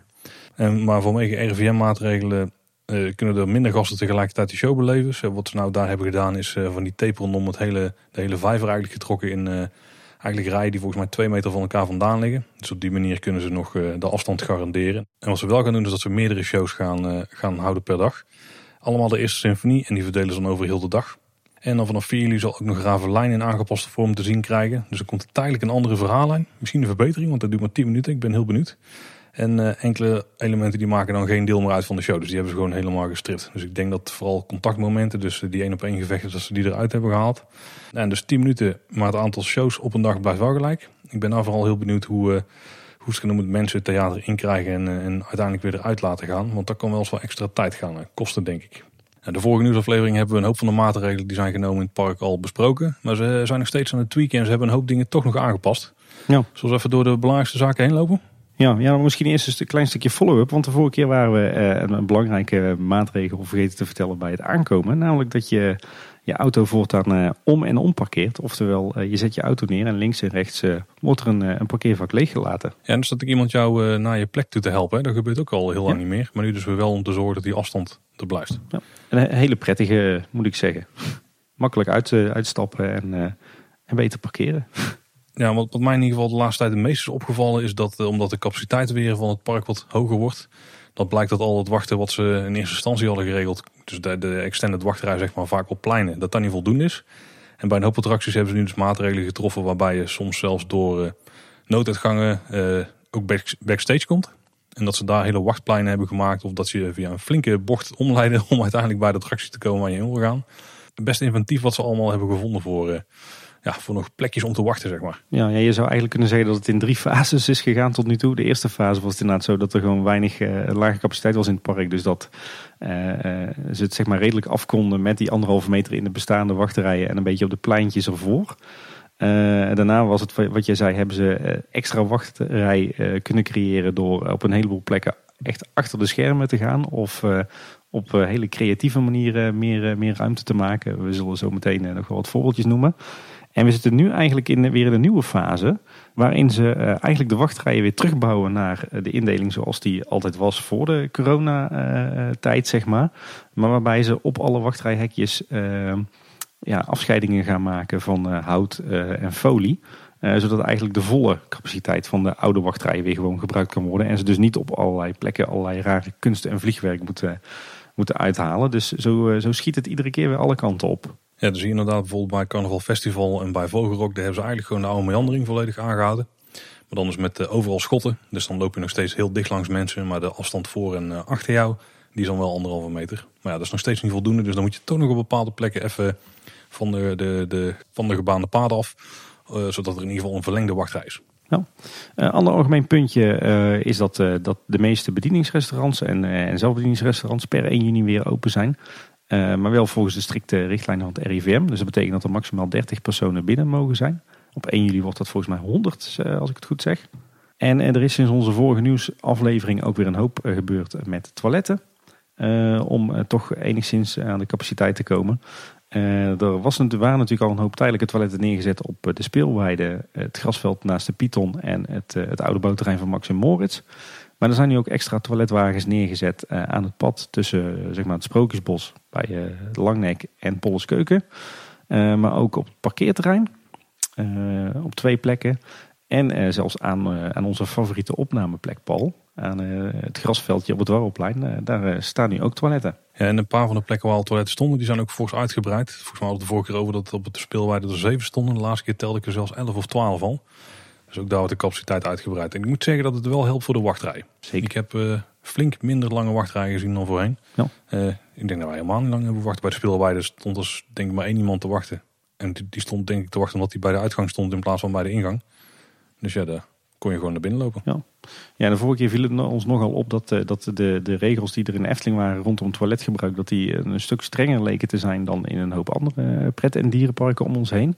En nu begreep ik dat schijnbaar naar verluid de GGD in eerste instantie nogal wat twijfels had bij de heropening van de Efteling eind mei. en dat ze zich met name zorgen maakten om de hygiëne in toiletten. En dat, dat er daarom zulke extra strenge eisen zijn gesteld aan het toiletgebruik in de Efteling. En daarna kregen ze pas de goedkeuring om open te gaan. Dus vandaar dat er zo'n, uh, ik wou zeggen bijna spastisch toiletbeleid is in de Efteling. Maar dat het in ieder geval een stuk strenger is geregeld in de Efteling dan in andere parken. Ja. Nou, op dit moment lijkt de capaciteit van de toiletten niet het probleem te zijn. Iets wat trouwens ook verbe- verbeterd is, is eh, de vorige keer hadden we het erover dat, eh, dat de maatregelen rond corona vooral in het Nederlands werden gecommuniceerd. En zoetjes aan een klein beetje ook in het Engels. Eh, maar inmiddels eh, viel mij op dat eh, op verschillende plekken al viertalige borden beginnen te verschijnen. Dus in Nederlands, Engels, Frans en Duits. Ik heb ze in ieder geval nu al volop gezien rond de entree. Dus ook dat is een mooie ontwikkeling. En, Paul, zullen we dan nog even vliegensvlug door wat aanpassingen in de verschillende rijken vliegen? Oké, ik zet de timer. Eh, dan beginnen we natuurlijk bij eh, Fantasierijk. Eh, wat opvalt is dat er bij kassa 1819 naast het Huis van de Vijf Zintuigen... dat daar een, heleboel extra controlehuisjes eh, zijn neergezet van Boels. Ik, toevallig gingen wij er doorheen met de, de preview van Max en Moritz. En dat voelde een beetje alsof we op Pinkpop liepen. En, wat, wat ook wel voor extra festivalgevoel zorgt... is dat er op het uh, wat extra blokhutten zijn neergezet. Volgens mij uit de Winter Efteling voor wat horeca verkoop. Wat ik ook wel grappig vond, ik zag wat foto's dat eh, Luc de Portier, die we kennen van de entree en het theater, dat die nu ook werd eh, ingezet als een soort eh, dorpsomroeper onder de kap van de entree. Een soort crowd control. Ik denk dat hij dat fantastisch kan. En ik las vandaag dat in Symbolica tot nader order één van de drie tours wordt overgeslagen. De Schattentour is buiten bedrijf genomen om ervoor te zorgen dat er toch voldoende ruimte tussen de fantasievaders zit. En eh, goed nieuws voor ons, want eh, de favoriete horecaplek is weer geopend. Polles Keuken. Eh, daar mogen dus ook maar maximaal 30 man binnen en je moet van tevoren reserveren. Er is ook een maximale eetduur, 45 minuten. Lijkt mij zeer haalbaar op basis van eigen ervaringen. En op het terras kan je terecht zonder reservering. Het reserveren is alleen maar voor het hoofddeel van het gebouw. Mhm. Je kunt ook in Aliciano's kruidenkast kun je gewoon eten ehm, als er plek is. Ja. En ik zag ook op verschillende foto's dat eh, ze ook in Polleskeuken her en der wat eh, plexiglazen schermen hebben neergezet eh, tussen de verschillende nisjes en tafels. En dat je ook overal pijlen op de vloer hebt zitten. En dan Anderrijk, eh, de wachtrij van Fata Morgana, dat is zo'n creatieve. Die gaat bij drukke momenten via een nooddeur naar buiten in de meandering. En dan kom je op het terrein achter de attractie, dus echt backstage. Daar slinger je een keer op en neer en dan kom je via een nooddeur weer terug in de opstaphal. Zo, De bestaande meandering is daar inmiddels ook voorzien van zo'n houten constructie met folie op een hoop plekken. Dus die kan nu ook gewoon gebruikt worden om op en neer te lopen. Eh, De indeling van het bootje is gewijzigd. Je kunt nu één huishouden op de voorste bank hebben en een huishouden op de achterste bank. Eh, Wachtrij van Piranha, die is ook creatief. Die loopt namelijk helemaal langs de zijkant van de attractie. eh, onder andere over het eiland en de houten brug. Dus echt, een- echt een flinke lus. Helemaal langs het water daar, via het pas ingezaaide grasveldje van Max en Moritz. Daar hebben ze wel platen overheen gelegd. Door het nieuwe poortje heen. En dan kom je uiteindelijk zo weer bij de normale wachtrij terecht. En ook daar zijn ze inmiddels bezig met zo'n houtconstructie met folie op de meandering. Gaan we dan naar het, eh, het Ruigrijk, dan eh, zijn ze ook lekker creatief geweest bij de Vliegende Hollander. Eh, daar liep de rij via de invalide ingang helemaal om het gebouw heen. Onder meer langs de oude EHBO-post. Ehm, maar de, de normale meandering op het plein, die is inmiddels ook aangepast. Daar staat nu ook zo'n constructie op met, met folie. Dus daardoor kan ook die weer volledig worden gebruikt. En, en is die, die hele ronde om het gebouw heen lang niet meer zo vaak noodzakelijk. Bij de Python wordt gebruik gemaakt van de dienstweg eh, die zeg maar langs de, de lift loopt. eh, eh, langs dat grasveld naar de, de buitenpoort. Maar intussen hebben ze ook daar de, de reguliere meandering voorzien van, van folie in schotten. Dus ook daar is weer wat meer capaciteit. En de wachtrij van Joris en de Draak die begint zelfs bij de houten brug aan de achterzijde van de Piranha. Dus dat is ook een aardig eindje lopen. Ja, wat daar wel grappig is, je loopt dan ook voor een groot deel over het pad richting eh, terug naar het Dwarrelplein eigenlijk. Of eigenlijk het Max en Moritzplein. Eh, maar er staat dan gewoon een medewerker en die houdt zeg maar eh, de kop van de rij in bedwang. Dus de plek waar mensen om moeten draaien om weer terug te lopen. Dus die kunnen ze flexibel verlengen en inkorten. Dan het Reizenrijk. Daar zijn ze heel creatief geweest op een paar plekken. Tijdelijk wachtrij van Carnaval Festival. Die loopt via nooduitgang in de meandering naar het personeelsparkeerterrein bij het dienstencentrum. En dan sling je dan twee keer op en neer en dan kom je weer terug in de wachtrij. Die is inmiddels ook voorzien van flink wat schotten met folie. Er zijn ook extra plexiglazen schotten in de meandering van Vogelrok dus geplaatst. Ook schotten met folie in het tweede gedeelte van de wachtrij van de gondeletten. Dus een stukje rechts van de normale wachtrij. De panorama is ook weer geopend. Dan mag je met maximaal 30 personen binnen en je moet vooraf reserveren. En je mag daar maximaal een uur zitten. En op het terras is geen reservering noodzakelijk. Dus als daar plek is, dan eh, mag je daar gewoon eh, gaan zitten. Eh, Je moet wel door een medewerker volgens mij naar je plek gewezen worden. En het podium van Jokinet is inmiddels verwijderd. En die heb jij gespot op het lemterrein, hè? Ja, die eh, staat tijdelijk op het, eh, het logistiek evenementenmagazijnterrein. eh, tot verbijstering van mijn oudste dochter. Dan komen we in het Marenrijk. Natuurlijk ons favoriete rijk. Er is een tijdje een hele bijzondere wachtrij geweest voor Droomvlucht en Villa Volta. Die begon allebei op de brug voor Ravelijn. Daar werd je gesplitst in twee rijen. Eh, wilde je naar Droomvlucht, dan ging je links over de trappen en de tribunes van Ravelijn. En dan via een zijdeur eh, de evenementenhal van Droomvlucht in. Wat trouwens tot hele mooie plaatjes leidde. En vervolgens kwam je dan alsnog terecht in eh, de reguliere wachtrij met een buiten- en een binnengedeelte. Wilde je naar Villa Volta, dan ging je op de brug van Ravelijn naar rechts. Langs de ingang van het restaurant. En dan achter Villa Volta langs. En dan via het Kleuterhof naar de reguliere ingang. maar goed, inmiddels weten we dat de Ravelijn op 4 juli weer start. En eh, bij Droomvlucht hebben ze inmiddels de volledige reguliere meandering, zowel binnen- als het buitengedeelte, voorzien van, uh, van die schotten met, uh, met folie erin. Zodat je die hele schuur of veestalling, zoals die wel eens wordt genoemd, weer kan gebruiken op volle capaciteit. Dan in het Sprookjesbos, opvallend. Daar, daar is natuurlijk eenrichtingsverkeer. Daar was met, met tape waren allemaal pijlen op de grond geplakt. En die zijn, worden inmiddels een stukje bij beetje vervangen door van die mooie ronde vloerstickers in wit. Met een mooie nette pijl en uh, erop gedrukt en uh, wat twinkels. Dus daar hebben we nu een, soort definitieve signing. En verder viel ons op dat er wat tafeltjes weg waren op het terras van de Kleine Klaroen. Waarschijnlijk om die afstand te kunnen garanderen. In het Lavelaar zijn de glijbanen van het glijhuis afgesloten. Waarschijnlijk om besmetting op die manier tegen te gaan. Wat op zich wel een klein beetje hypocriet is. Want alle openbare speeltuinen zijn natuurlijk de hele coronacrisis gewoon al open geweest. Uh, bij het poffertje uh, is er nu het eh, concept poffertjes to go. je kon daar natuurlijk al wel poffertjes afhalen, normaal gesproken. Maar nu wordt dat wel echt gestimuleerd om daar dus je poffertjes af te halen. verder hebben ze de looproute in het Efteling Museum omgedraaid. Daar ga je nu naar binnen via de officiële ingang, dus via de, de oude winkel, de Bonte Harlekijn. en je gaat eruit aan de achterkant bij de Rommelzolder. En we kregen ook van de insider een mooie foto van het Carouseltheater naast het, uh, naast het stoomcarousel. Want ook die is nu net als uh, Station de Oost uh, tijdelijk in gebruik als personeelskantine. ja, en dan bij het Loonse Land, daar is het terras afgesloten buiten. Ja. het restaurant, daar kun je alleen maar eten op reservering. Dat is natuurlijk ook het treintje wat naar het park rijdt. Die werkt maar op halve capaciteit. Ze houden ze volgens mij gewoon om en om een bankje leeg. En de speeltuinen die zijn alleen maar beschikbaar voor kinderen tot en met 12 jaar. Ja, jammer. Ja, Tim, moet je inhouden. Ja, precies. Ja, dat was volgens mij. Uh, nou ja, dat, ik wou zeggen dat dat was al het nieuws wat wij over corona te melden uh, hadden. Uh, maar er viel me nog wel iets op laatst, Paul. Ik ben benieuwd hoe jij daarover denkt. er komen steeds meer inzichten in de verspreiding van het coronavirus. En het lijkt er toch op, in allerlei onderzoeken, dat er eigenlijk in de buitenlucht maar heel weinig risico is. En dat het virus zich met name verspreidt in, in de wat kleinere ruimtes met een slecht uh, binnenklimaat, dus die wat vochtiger zijn of waar je geen eh, luchtverversing hebt. Voornamelijk als je er wat langer bent of met een grotere groep mensen. En dat is natuurlijk op zich wel een interessant inzicht. Want ja, wat betekent dat voor bijvoorbeeld de situatie in de Efteling? Is straks alles veilig zolang je het maar buiten regelt? Als het algemeen geaccepteerde informatie wordt, dan wel. Maar ik heb al ongeveer, denk ik, alle mogelijke manieren van, van verspreidingen uh, zien langskomen. Op alle mogelijke manieren van hoe erg het zou kunnen zijn. In alle mogelijke onderzoeken die er maar kunnen zijn. Volgens mij is er nog niet zo'n heel erg consensus over, toch? Wat het nou precies is en hoe het zit. Ja, je, je hoort dit wel steeds meer hoor. Ja. Nee, dat is ook zeker ja. Maar ik heb tegenovergestelde ook weer gehoord. En uh, ik, ik heb ongeveer alles gehoord, denk ik. Maar ik twijfel altijd aan de bronnen. Het is niet vaak langskomen op Twitter, dus dan eh, vertrouw ik het niet meteen. Ik lees altijd vooral wat ik wil lezen. Ja, dat is misschien ook. Maar als het dit algemeen geaccepteerde eh, kennis wordt, ja, dan zal er wel uh, positieve consequenties kunnen hebben voor de Efteling. In ieder geval voor een aantal attracties. Alles uh, lekker naar buiten. Ja, de wachtrij, die hebben in ieder geval voor een groot deel al buiten geleid. Ja, dus precies. Dat, komt allemaal goed.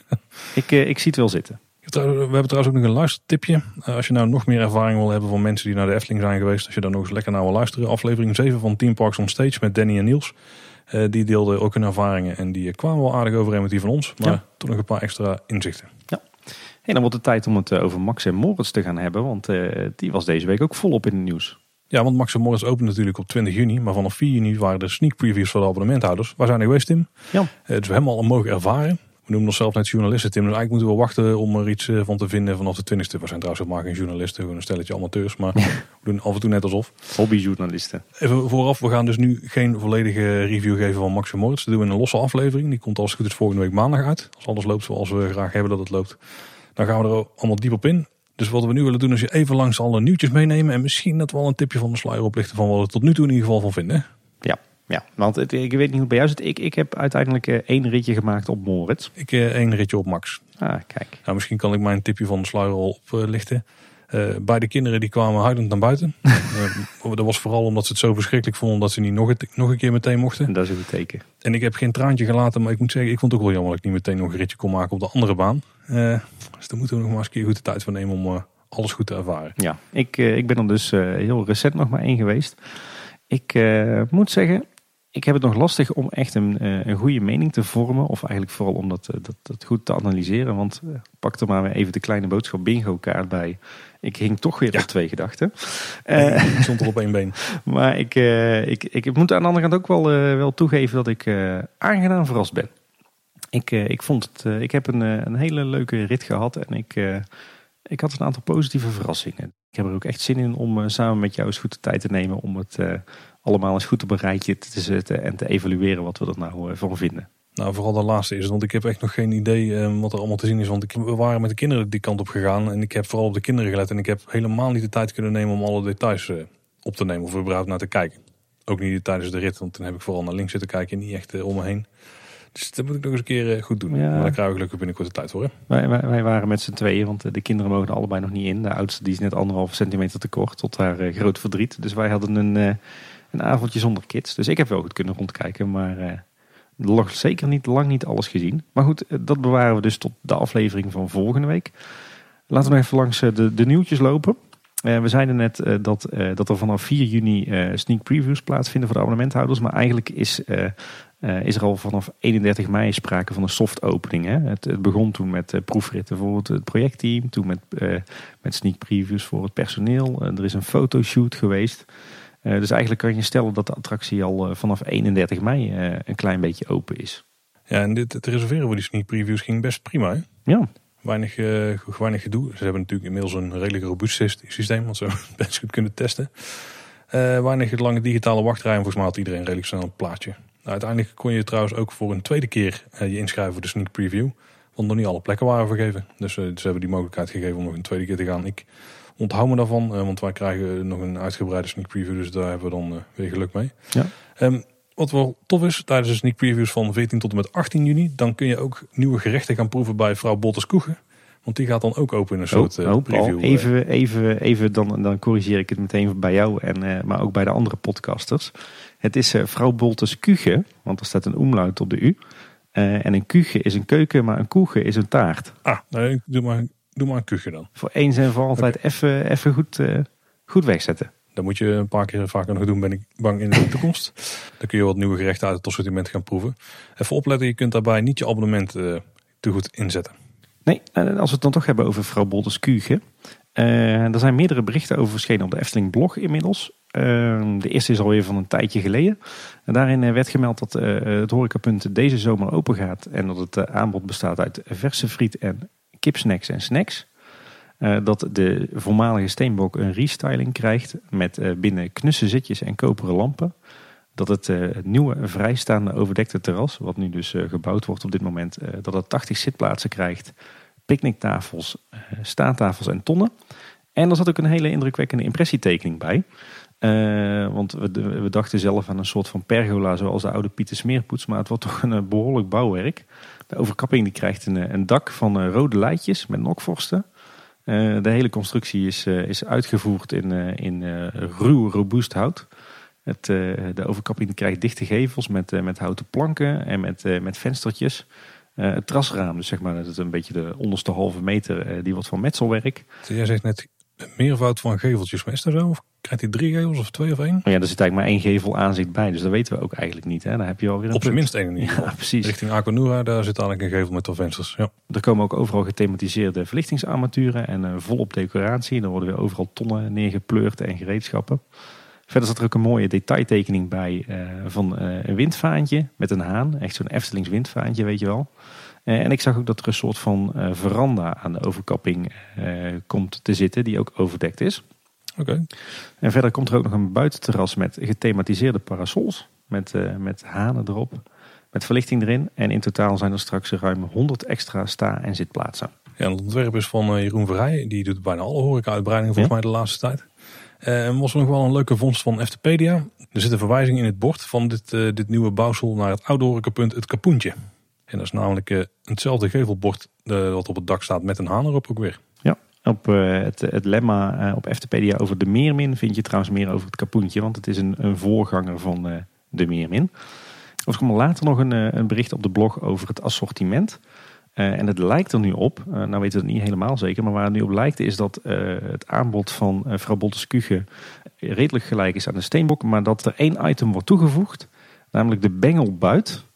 Uh, wat een, uh, eigenlijk een soort kartonnen bakje is met uh, gefrituurde kip of uieringen. verkrijgbaar in twee verschillende maten met een dip naar keuze. En je kan er ook een, een minuutje van maken voor jezelf of voor de hele familie. Ja, maar dit lijkt het dan wel verder te zijn. Hè? Nou, er was nog één nieuwtje wat er heel recent uitkwam. De, de Mexicano komt ook weer terug in het assortiment van de Efteling Snacks. Helemaal goed. Zeker met een beetje satésaus. Ik zit gelijk weer in een New Kids Turbo, maar dat zal wel mijn ja. afwijking Nou, is wel blij dat je nou ook satésaus overal kunt krijgen, want die combi die zo gaat.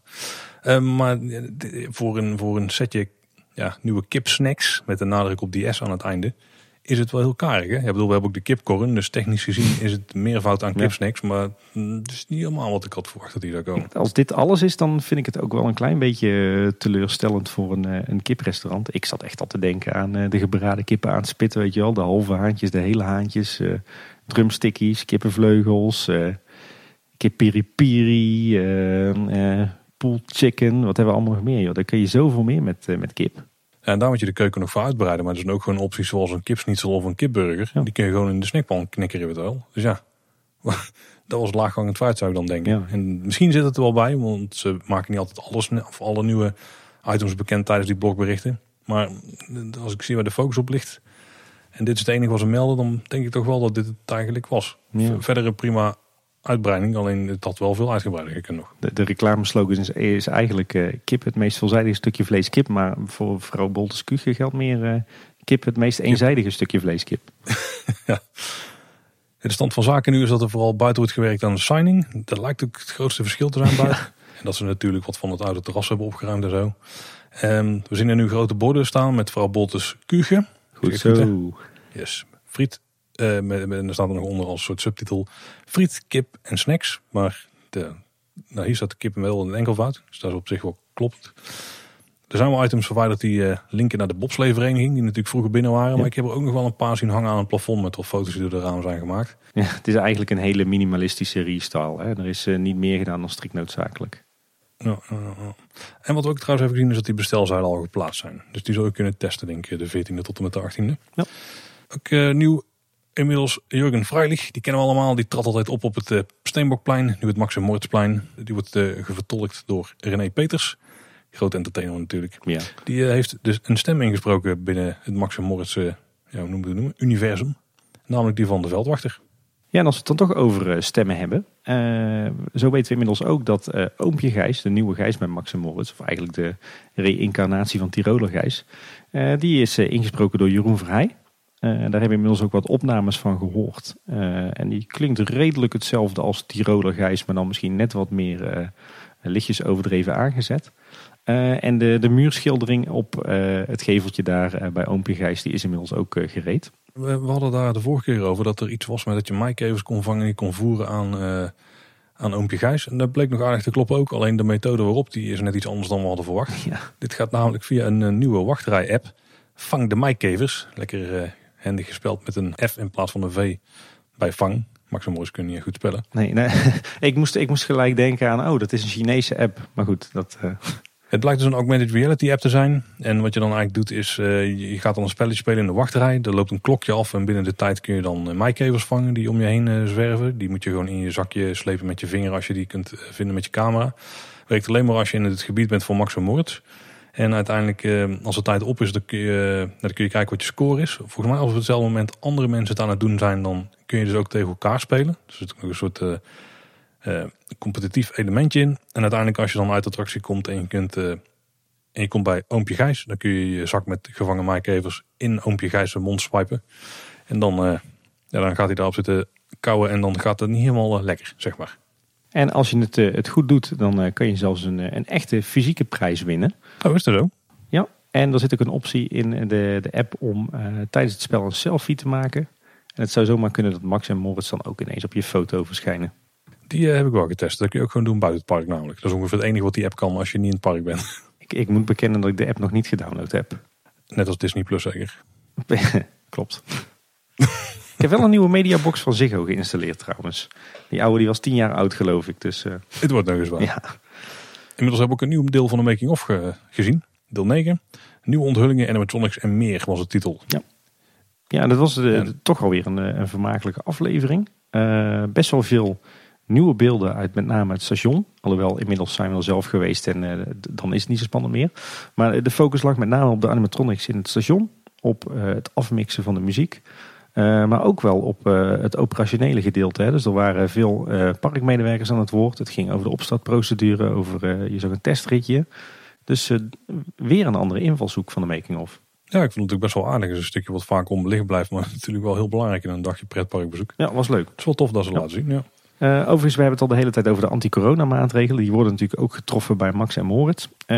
Op het voormalige bouwterrein, zeg maar tussen Spookslot en de ingang van Max en Moritz. Eh, daar staan niet alleen toiletwagens, maar daar is nu ook een eh, tijdelijk terrein ingericht. Met stalen rijplaten waarop straks een tijdelijke meandering eh, wordt aangegeven met rood-witte tape. Maar ook met weer van die houten schermpjes met folie erin. Het is een behoorlijk eh, terrein om op te zigzaggen. En ook in de, in de, de, de reguliere wachtrij, of de wachtrij zoals die bedoeld is, daar heb je inmiddels ook overal van die schotten met folie erin. Dus daar eh, zag je ook eh, in een soort van spiegelpaleis. Het gekke is eigenlijk dat je in, de- in de wachtrij heb je dus ook een aantal interactieve elementen. We zullen daar eh, in de aflevering van volgende week het ook wel uitgebreid over gaan hebben. Maar daar zit dus gewoon iedereen met zijn tengels aan. Dus toen had ik zoiets van ja, dan heeft het misschien ook weinig toegevoegde waarde om al die schotten dan te plaatsen. ja, dan kunnen ze tenminste ook ergens terecht met een doedelzak. Hè. Jongen, jongen, jongen. Moest je de kwartje nog even zoeken in de portemonnee. Of, eh. Ja, dat duurde even.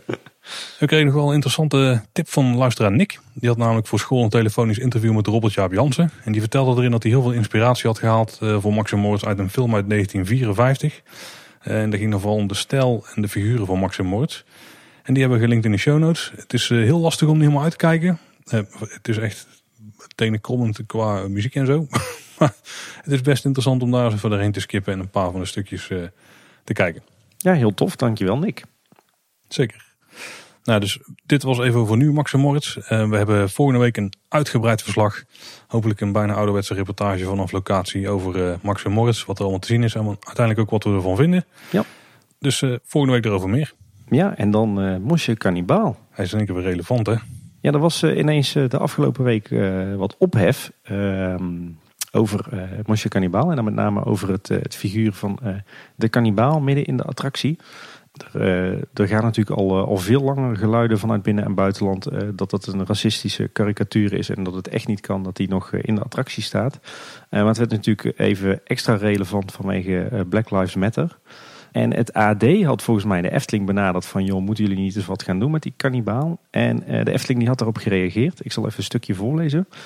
En de Efteling zegt, we luisteren zeker naar de maatschappelijke geluiden... en we krijgen met regelmaat opmerkingen van gasten. We gaan pas nadenken over eventuele veranderingen... die passen in de nieuwe tijdgeest als de attractie aan de beurt is voor groot onderhoud. We hoeven niet vooruit te lopen op het maatschappelijke debat. De meeste bezoekers snappen echt wel dat het een vrolijke karikatuur is... zoals er meer karikaturen in ons park te vinden zijn. Het is een uitvergroting, niet de wereld zoals hij er echt uitziet. Ook niet alle Nederlanders lopen op klompen, zoals in Carnaval Festival. En even later gooide Loopings ook nog wat eh, olie op het vuur. Ja, door het nog eens extra aan te halen. En die hadden daarbij ook nog de quote ontrafeld. Zoals bij al onze attracties is dat voor ons het moment om te kijken of er ook op esthetisch vlak dingen verbeterd of gewijzigd kunnen worden. Net zoals we bijvoorbeeld kijken naar de duurzaamheid en de capaciteit. We zullen pas op een later moment bekijken of de attractie nog in de tijdsgeest past. Zoals we destijds ook met Carnaval Festival hebben gedaan. En eh, ja, inmiddels was er wel media-aandacht. En dan krijg je natuurlijk een protest, je kan erop wachten. Nou, er was een, een heel kleinschalig protest op 7 juni. Eh, waarbij wat mensen eh, met bordjes of met, met kartonnetjes voor eh, de attractie stonden met erop Monsieur Cannibal is racisme. En de timing is een beetje vreemd, want deze stond al op de planning. Maar op 8 juni ging de attractie dan ook dicht voor onderhoud. Overigens gewoon puur toeval, maar Ja, eh, want de Efteling gaf aan na extra vragen vanuit volgens mij ook weer loopings... dat eh, de kannibaal echt voorlopig gewoon blijft staan... en dat ze niets gaan aanpassen bij Mosje Kannibaal. Want het onderhoud dat nu plaatsvindt is geen groot onderhoud. Eh, het gaat gewoon om eh, eenvoudige technische werkzaamheden. En pas bij groot onderhoud bepaalt de Efteling... of ze iets willen veranderen op het gebied van de esthetische vorm. En intussen zijn we weer een paar dagen verder. En ik zag vandaag een berichtje op Loopings dat er inmiddels ook weer volop beroering is ontstaan over Mosje Cannibal bij nou niet alleen Efteling bezoekers. Maar ook bij een best wel groot aantal Britse, Franse en vooral Amerikaanse pretparkfans. En ook pretparkmedewerkers en prominenten. Ik zag zelfs een Disney Imagineer voorbij komen die haar schande uitsprak over Mosje Cannibal. Kortom, het is een flinke shitstorm op dit moment rond Mosje Cannibal. Oh ja, zo ervaar ik hem nog niet. Ik had het idee dat het Carnaval Festival wel een stuk groter was. Maar het is wel, het is wel een dingetje. Daar is er in ieder geval ook van gemaakt natuurlijk. Ja, wat mij betreft kunnen ze het ook gewoon prima aanpassen. Ik uh, denk niet dat er heel veel mensen heel gehecht zijn aan uh, het feit dat die kannibalen zit. En ook al denk je dat er wel zo is. Als ze hem vervangen voor iets anders, dan weet je waarschijnlijk na een paar weken niet beter dan dat het dit nu gewoon is. Ja, ik zeg gewoon vervangen die hap. Ja. en voor mij betreft ook liever vroeg dan laat. Maar desnoods haal je hem weg en zet je er iets kleins eh, voor neer. Ik denk niet dat dit het moment is dat je hiermee um, voor op, op de voorpagina's wordt gezet. Zover is het niet, maar we weten waar het op uitloopt. Hè? Nou, ik, ik, wil het wel, ik wil het wel iets verder aanzetten. Ik, ik vind de reactie van de Efteling op dit punt echt onbegrijpelijk. Ik vind hem zelfs eigenlijk oliedom. Ik bedoel, eh, volgens mij is de, de, enige juiste reactie op dit punt, want laten we wel wezen, dat, dat ding is gewoon een racistische karikatuur. Dat was het al in 1988 toen die eh, attractie werd gebouwd. Ik bedoel, toen werd er niet voor niks ook een, eh, een blank jongetje naast gezet. dat had toen al met, met racisme te maken. Maar dan ga je toch niet zo reageren van joh, we vinden het allemaal niet nodig om dat aan te passen. En we, we kijken TZT wel of we er wat mee doen. Volgens mij is de enige juiste reactie op dit moment dat de Efteling zegt van joh, ehm, we, we, zien nu in dat dit inderdaad een racistische karikatuur is. Dat dit mensen kwetst, dat dit mensen verdriet doet. Daar bieden we oprecht onze excuses voor aan. En we gaan de kannibaal op heel korte termijn verwijderen. En op een later tijdstip bezien we wel wat we er dan mee doen. Maar hier kan je toch je ogen niet versluiten. Je kan toch niet zeggen, we, we vinden het allemaal niet belangrijk en we doen er niks mee. Dat, dat ding moet gewoon weg. Daar ben ik het mee eens, ja. En, en volgens mij is het ook allemaal niet zo spannend. Het is gewoon op een maandagochtend uh, de verrijker erbij. Twee mannetjes van de bouwdienst, een paar eenbusboutjes losdraaien, stropjes erom, lepels naar binnen en het ding afvoeren. En je bent een heel eind. Ja, Nu kan het makkelijk, want hij is een onderuit. Ja, dus ik, ik snap, ik kan er echt met mijn verstand niet bij hoe de Efteling waarom dat de Efteling in vredesnaam er op deze manier in zit. En waarom dat ze zo een kont tegen de krip blijven gooien en het zo ontkennen. En zo bij mensen op de tenen gaan staan. En, en zeker omdat ze dan eh, het erover hebben dat ze aan het internationaliseren zijn en dat ze een internationaal publiek willen trekken. Ja, als je toch ziet hoe, hoe internationale bezoekers en prominenten hierop reageren, dan weet je toch, dit, dit kan je toch niet volhouden. Neem nou eens je verantwoordelijkheid. Uh, geef nou eens toe dat je fout zit. En, en, en eh, sta open voor verbetering. Weet je, de, Efteling moet een plek zijn waar iedereen zich prettig voelt en op zijn gemak en fijn. En als er dan een, een figuur is wat mensen kwetst en waar mensen zich onprettig bij voelen. Geheel terecht overigens, denk ik.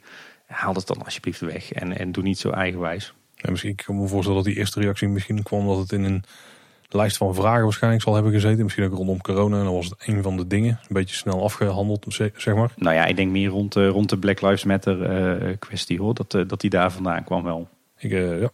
kreeg wel wat suggesties van luisteraars. Um, van wat misschien alternatieven zouden kunnen zijn. Want ja, als die weggaat, dan zit je daar met een overkapping en de ronde kookpotten die ronddraaien. Friso die kwam nog met de, de spin Anansi. Dat is volgens mij van uh, een beetje Afrikaanse volksverhaal. Ik begreep zelfs dat die uh, werden verteld tussen onderdrukte... Uh, slaven, hè? Dat was toch een, een slavenverhaal? Neem ze maar. Ja, ja, precies, ja. ja. Dus dat zou ook best wel een hele sympathieke spin zijn. En dan natuurlijk draaien aan het geheel. Ja. En volgens mij kan het eventueel ook veel simpeler. Want eh, als je het idee van Friso uit wil werken, dan, eh, dan is het een volledige reteam van de attractie. En dat zie ik er voorlopig niet van komen. Maar volgens mij, als je gewoon eens Robert Jaap en eh, Jeroen in een, in een kamer zet. en je laat ze eens even goed naar de Franse liedtekst luisteren. dan zijn er volgens mij ook wel andere mogelijkheden. Want volgens mij is het bijvoorbeeld hartstikke leuk om een, er een kookpot neer te zetten. Met daarin die Franse ontdekkingsreiziger die gevangen is genomen. En die daarin wordt gekookt. Ik bedoel, dat, eh, dat, dat is eh, een stukje verhaal dat zit gewoon in het liedje. En het is toch fantastisch om daar een beetje zo'n borrelende, rokende kookpot te hebben staan. Met een animatronic van een Franse uh, ontdekkingsreiziger erin. Met zo'n zo'n hoedje en zo'n tropenpakkie. Die zo een beetje angstvallig om zich heen kijkt. Omdat hij gekookt wordt door een stel kannibalen. Ik bedoel, dat past dat toch fantastisch. Maar dan zou je ook graag gordijntjes willen bij het hutje van waar de bediening in zit. Om er ook meer, meer te betrekken in het originele in de originele tekst van het liedje. Ja, precies. Oftewel, mogelijkheden te over, maar haal alsjeblieft eh, die racistische kannibaal uh, ZSM weg daar. Tim, die uh, nieuwe Efteling reclame, die campagne die op tv zou komen en toen, die is gelanceerd. Hij is er eindelijk, na maanden vertraging, Ja. hebben we hem nu kunnen zien. Nou, bijna een half jaar vertraging denk ik zelfs. Eh, hij is nu op televisie te zien. Ik geloof het achter elkaar, ik kijk er nooit naar. Ook voor de internationale markt en voor de komende drie jaar. Hoe de laatste dan precies gaat werken, dat weet ik niet. Ik kan me niet voorstellen dat het alleen bij deze blijft. Ehm het is een, een korte clip. En eh, zoals we al eerder zeiden, je volgt dan een, een dame door het leven heen eigenlijk. Dus van eh, kind totdat ze oud is en zelf kinderen heeft. En hoe ze dan de Efteling ervaart. Ehm, er zitten overigens wel wat continuïteitsprobleempjes in. Want eh, er zijn attracties die ze ervaart toen ze jong was. Die nog niet hadden kunnen bestaan als die nou ervaart terwijl ze oud is, zeg maar. Maar dat nemen we voor lief even in het geheel. Ja, inderdaad. Het, eh, de, de- het grappige is dat de reclamecampagne wel heel erg eh, woke is, om het, eh, hoe dat dan tegenwoordig heet. En heel erg multiculti. Dus dat is dan weer een bijzonder contrast met de, de hele Monsieur Carnival discussie. Ik moest ook wel lachen, want het is, de, de hele clip is een beetje en toen dit en toen dat en toen zus en toen zo. Terwijl daar stond op de basisschool de doodstraf op als je, als je een verhaaltje schreef. Maar goed, ik vond het op zich best wel een aardige commercial. Wat mooie beelden uit het park. Je kreeg echt wel zo'n zo'n feel-good vibe, weet je wel. En, en echt dat gevoel van, joh, in de Efteling maak je herinneringen en die draag je van generatie op generatie op elkaar over. Dus ik denk dat dat wel heel erg geslaagd is. Misschien een klein beetje minimalistisch. Ik had wel iets meer mooie beelden uit het park eh, willen zien. Maar misschien is de gedachte wel van, joh, mensen weten toch wel hoe de Efteling eruit ziet en dat de Efteling mooi is. Het gaat nu echt meer om dat invrijven van het feit dat je, dat je dus in de Efteling van generatie op generatie komt en daar herinneringen aan elkaar overdraagt. Dus eh, dat vond ik best wel goed gedaan. Ja, een goede bijpassende muziek ook weer van René Merkelbach. Ja.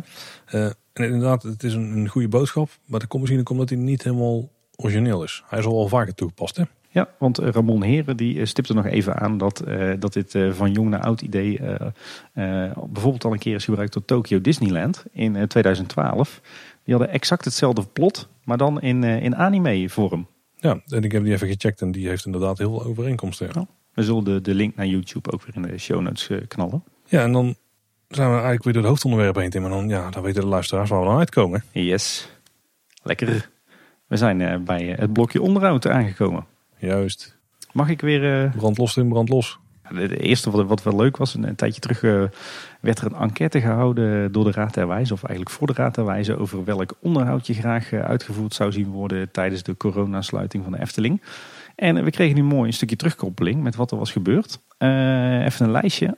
Alle figuren in Fata Morgana en Carnaval Festival zijn nagelopen en weer werkend gemaakt. Eh, bij Joris en de Draak zijn eh, alle teksten van het hout verwijderd in de wachtrij en de bekleding van de treinen is vernieuwd. Er werd wel eerlijk toegegeven dat er nu geen geld is om Draak Etna te schilderen. Verder hadden ze het erover dat er een grote schoonmaak heeft plaatsgevonden in het park. In toiletgroepen zijn kitrandjes vervangen, is er geschilderd en zijn tegels opnieuw ingevoegd. Volgens mij ook geen overbodige luxe inderdaad. En er zijn eh, banken en lantaarnpalen schoongemaakt in het hele park. En de droomvlucht is volledig afgestoft, inclusief de wachtrij. En dat was al, eh, al wat luisteraars eh, opgevallen inderdaad. Mooi initiatief en ook mooie, mooie terugkoppeling. Verder vindt er nu volop onderhoud plaats aan Aquanura. Eh, niet alleen eh, die bak met fonteinen eh, in het midden staat leeg, maar zo'n beetje de hele Vonderplas. Levert mooie beelden op, tenminste als je geïnteresseerd bent in techniek. Het viel ons ook op dat er wat nieuw leidingwerk wordt aan, aangebracht van die dikke RVS-buizen. Misschien dat dat dan wordt aangebracht om voor extra circulatie in de vijver te zorgen in het zomerseizoen. Ga je dat mij vragen? Of? Ja, Ik heb geen idee. ik denk geef Paul even de ruimte voor een eh, bijdrage in het blokje, weet hij het weer niet. Ja, nou, ik ben niet echt de, de vijverspecialist, dus eh, ik heb echt geen flauw idee. Maar het, het, het- de Vondelplas ziet er nu een beetje uit als, eh, als eh, Gemelot. Weet je wel, dat industrieterrein daarbij eh, geleend. Eh na verwachting is het onderhoud eh, 12 juni gereed. Eh, verder vertelde een luisteraar ons nog dat eh, de vreemde paarse verlichting bij Repelstiltje eh, verdwenen is. Dus dat is eh, positief nieuws. En in Carnaval Festival zijn eh, zowel de verdwenen Chinees, de bordjesdraaier, als de sumo-worstelaars eindelijk eh, terug. En eh, die zijn eh, bijzonder fraai opgeknapt. Ja, er zijn niet meer van die vleeshopen. hè. Daar kun je nu echt eh, armen en zelfs vingers in herkennen. Ja, heel mooi, heel mooi gedaan. Ja, positief upgrade. Ja. Ze bewegen nog niet, maar dat zal ook wel komen. Maar absoluut een verbetering. Verder wist uh, Roy Dean ons nog te vertellen uh, dat er ook in uh, de Fata Morgana dus lekker geklust is aan animatronics. En hij maakt dat ook heel concreet, want hij schrijft... de man die met het dienblad aankomt lopen in de troonzaal, die is veel soepeler geworden. En hij draait het dienblad weer echt naar de gasten toe. Klein detail, maar een veel natuurlijker effect weer. Verder is in, in Droomvlucht de Mist terug in het Kastelenrijk en Zomperwoud. Overigens nog maar een heel bescheiden hoeveelheden hoor. Ook bij het ontwaken is hier weer terug. Oké, ah, mooi. En uh, verder is natuurlijk de afgelopen jaren heel wat uh, gekapt en gesnoeid aan bomen in de Efteling. En het lijkt erop dat dat hele circus zich nu verplaatst naar de wereld van de Efteling. Uh, want van de week heb ik nog eens een, een ommetje door de wereld van de Efteling gemaakt. En er vielen me een paar dingen op. in het, het Duitse bosje, daar zijn wat bomen gekapt die waarschijnlijk in slechte staat zijn. En de houten boombanken die zijn allemaal netjes opgeschuurd. de bomen van het golfpark die werden gesnoeid door bomenrooierij Wijdmans. En ook in het Loonse Land eh, werd er volop snoeionderhoud eh, uitgevoerd aan eh, de bomen. En er werden ook wat, wat slechte bomen gekapt. Een enig dingetje wat me daar wel zorgen baart is de, de staat waar heel veel van die eiken in zijn. zoals we hier wel eens hebben aangehaald is het Loonse Land zeg maar gebouwd op, op de akkers die vroeger werden bewerkt. En die akkers die waren omzoomd door, door rijen met eiken. En die rijen met oude eiken die kan je nog steeds terugzien in het Loonse Land. die mooie rechte lijnen zijn dat. Maar het valt me op dat ze allemaal er heel slecht aan toe zijn. Of dat nou ligt aan het feit eh, dat daar heel veel overheen is gereden tijdens de bouw. Of dat uh, vanwege de droge zomers. Of misschien vanwege de grondwaterstand die is gezakt uh, sinds de huisjes staan. Weet ik niet. Maar het zou mij niks verbazen als op termijn ze een heel groot aantal eiken in het Loonse Land gaan sneuvelen. verder werd er sowieso veel aan het groen gewijd in het Loonse Land. Er werd ook volop beregend. want er ligt daar volgens mij geen beregeningssysteem. Dus dat moet allemaal met, met giertonnen. En uh, de firma Storix die was uh, op dat moment ook bezig in het Loonse Land met het uh, bestrijden van de eikenprocessierups. Dus ook de verblijfsaccommodaties worden daarin meegenomen. Eén puntje van aandacht is trouwens daarbij de Kinkerpolder. De weg zeg maar tussen het parkeerterrein en VK door richting de fietsenstalling. Daar staan ook heel veel eiken. en daar zit nu volop eikenprocessierups in. Die zijn van de gemeente, dus dat moet de gemeente eigenlijk doen. Maar die, die hebben dat waarschijnlijk niet zo goed geregeld als de Efteling. Uh, dus misschien dat de Efteling dat ook maar op zich moet nemen. Omdat uh, toch zo'n beetje iedereen die naar de Efteling fietst of wandelt, uh, daar lekker tussen de rupsen door moet. Lekker brandhaartjes ontwijken. Ja, precies. Er zag ook wel foto's langskomen van Jeroen 2. Die was het Sprookjesbos heen gegaan en die had close-ups gemaakt van een hoop Sprookjesbosfiguren. En er bleek er toch wel een aantal van af aan het bladderen zijn. Dus daar gaat wat, wat verf, die gaat er vanaf. Dat was onder andere zo bij Kleine Boodschap, bij de Zeemermin en bij de Heks van Rapontje. Ook bij de Herauten en bij Kleine Duimpje. Dus eh, ik ben bang dat het niet onder essentieel onderhoud valt. Dus dat we daar misschien even tegenaan moeten kijken een tijdje. Ja, ik ben wel benieuwd wat hier nou de oorzaak van is. Is het nou zo dat, uh, dat, dat, dat de onderhoudsinterval hiervan te lang is gekozen? Dus dat, ik kan me zo voorstellen dat ze zeggen, joh, wat buitenschilderwerk gaat zeven jaar mee voor je het opnieuw moet doen. Maar is het dan in werkelijkheid een stuk korter dat het meegaat? Het moet toch haast zoiets zijn als je ziet hoeveel van die figuren aan het afbladderen zijn. Ja, dat is al. Ja. ja. Uh, nou zochten ze een tijdje geleden wel een nieuwe decoratieschilder. Dus misschien dat er ook wel gewoon te weinig capaciteit was op die afdeling. Hm.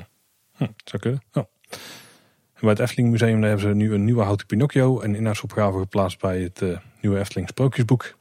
Dus de, die Pinocchio die staat bij het spelletje wat daarbij hoort. En in, in de vorige aflevering berichten we natuurlijk al dat er, dat er wat onderhoud werd uitgevoerd aan de buitenkant van het spookslot. Binnenkort eh, gaat die eh, ook een paar dagen dicht, dus dan zullen ze de binnenkant ook wel doen. Maar eh, aan de achterkant werden wat dakpannetjes en wat houtwerk vervangen. aan de voorzijde, aan de voorgevel, zijn ze nu ook bezig. daar heb je zo rechtsboven hebben een soort van overstek, een soort van steunbeer van een gewelf of zo. en die hebben ze, zijn ze helemaal opnieuw aan het, aan het opbouwen. daar zie je nu een betonnen latij en wat betongaas. Dus die zullen ze opnieuw gaan maken. Waarschijnlijk omdat de oude versie aan het afbrokkelen was. En je wilde dat ding natuurlijk niet op je, op je tokens krijgen. Dat lijkt me niet relaxed, nee. Het is nou aangekomen bij het kortnieuws. We hebben een tijdje geleden André Rieu zien verschijnen in de Efteling. mensen waren al bang dat de fonteinen afgebroken moesten gaan worden. Net zoals jaren geleden voor het Efteling Theater. Dat was niet het geval gelukkig. Bleek te gaan om een eh, optreden bij de All You Need Love special van 30 mei. Daarbij gaf André Rieu een uh, bescheiden concertje voor Symbolica. Speciaal voor echtparen die 50 jaar getrouwd waren. Maar vanwege het coronavirus hun feest moesten annuleren. Ja, zag er mooi uit. Hele mooie beelden bij in uh, Symbolica in de schemering. Ook merchandise nieuws. Er zijn nieuwe zomerse Efteling souvenirs. Zo hebben we zomerse zwemkleding voor jongens en meisjes. Ook slippers van Roodkapje en Ravelijn. Ook in grotere maten trouwens Tim. In donkerblauw tot en met maat 47. Die kunnen wij ook aan. Ik haat slippers. Ik vind slippers chill. Maar deze niet, denk ik. uh, dan badhanddoeken van Ravelijn, Draak, Assenpoester en Joki. En er is ook zelfs een nieuw huispak van de Zes Zwanen Tim. Iets voor jou? Mm, dat zag er ook comfortabel uit. Maar je past hem denk ik niet hè? Nee, wat, wat krap. Er is ook een nieuwe aanzichtkaart van Fabula. En je kunt uh, inmiddels weer Efteling souvenirs bestellen. En dat kan via de app. De 34 populairste souvenirs kan je via de app bestellen. En die kun je dan aan het eind van de dag ophalen bij de wandelwagenvuur tegenover Efteldingen. Uh, dit is technisch gezien gewoon een website. Dus die hoef je niet per se via de app te bezoeken. Maar in de app zit nou een handige link daar naartoe. Ja, we moeten wel even een verschil maken. Je, had natuurlijk, je hebt natuurlijk uh, geen webshop van de Efteling. Die je uh, zeg maar buiten de Efteling kunt benaderen. En wat ze dan uiteindelijk naar je opsturen. Ja, die is er wel, maar dat is in samenwerking met de Weekamp. Maar dit is nu vooral gedaan ook weer vanwege de, de coronacrisis. En de bedoeling is dus dat, je, dat ze de mensen een beetje uit de winkels halen. Door dus gebruik te maken van de Efteling app kun je dus uh, Efteling souvenirs kopen zonder een winkel in te gaan. En je haalt ze dan aan het eind van de dag uh, gewoon bij de wandelwagen verhuren op. Dus nou, denk ik een, een slimme maatregel. Ja, zeker. Ja. Valt me trouwens wel op als je, het, als je naar al die zwemkleding kijkt, dat de Efteling het niet, niet alleen heel erg behoudend is ten aanzien van bijvoorbeeld racisme en de multiculturele samenleving, maar ook wel weer qua genderneutraliteit. Hè? Het is wel weer roze en paars voor de meisjes en stoer voor de jongens. Ja, ja. Maar goed, misschien moeten wij niet, niet te veel over, over maatschappelijke ontwikkelingen of medische zaken hebben. Daar zijn vast uh, andere podcasts voor. Mocht je naar het Olympiek Museum willen, dat kan, want die is vanaf 1 juni weer open. Dus trek naar Hattem en gaat allemaal checken daar. Uh, van dinsdag tot met zondag kun je daar terecht van 1 tot 5. Dat kan wel alleen met reservering en je kunt maar maximaal met 12 bezoekers tegelijk naar binnen. En half augustus start ook een nieuwe expositie. Er was eens en die gaat over het ontwerp van het Sprookjesbos van de Efteling. Ja, dat klinkt interessant hè? Dat klinkt heel interessant. Nou, nou ga ik altijd al graag naar het Antropiek Museum, maar uh, na al die jaren zonder Efteling tekeningen in het museum, uh, dan weer zo'n tentoonstelling, dat uh, maakt toch wel nieuwsgierig. Ik ga er sowieso naartoe en Paul, misschien moeten wij daar samen maar eens naartoe. Ja, laten we dat maar eens een keer doen. Hè. Dan kunnen we misschien wel een mooie reportage maken. Hmm, zou leuk zijn. Wie weet, wie weet. Verder kwam er trouwens ook nog een leuke tweet voorbij van uh, Anneke Cinema. Uh, die had uh, toevallig een boek gekocht met luchtfoto's van Nederland in de jaren 70. En die vond ook een hele mooie foto terug van de Efteling van boven. waarbij het park eigenlijk uit niet veel meer bestaat dan vooral heel veel bos, vijvers en natuurlijk het zwembad. Een hele mooie luchtfoto was dat. we zullen de, de link naar dat tweetje wel even in de show notes gooien. Loopings kwam nog met het berichtje dat illustrator en ontwerper Alessio Castellani al in oktober 2019 eh, eigenlijk eh, heel stil vertrokken is bij de Efteling. En die is onder andere bekend van zijn tekenwerk voor Assenpoester, diverse boekjes. Volgens mij heeft hij ook aan Pinocchio meegewerkt. Ja, volgens mij is Pinocchio zo'n beetje zijn enige fysieke werk in de Efteling, toch? Hij, hij was vooral echt, echt illustrator, hè?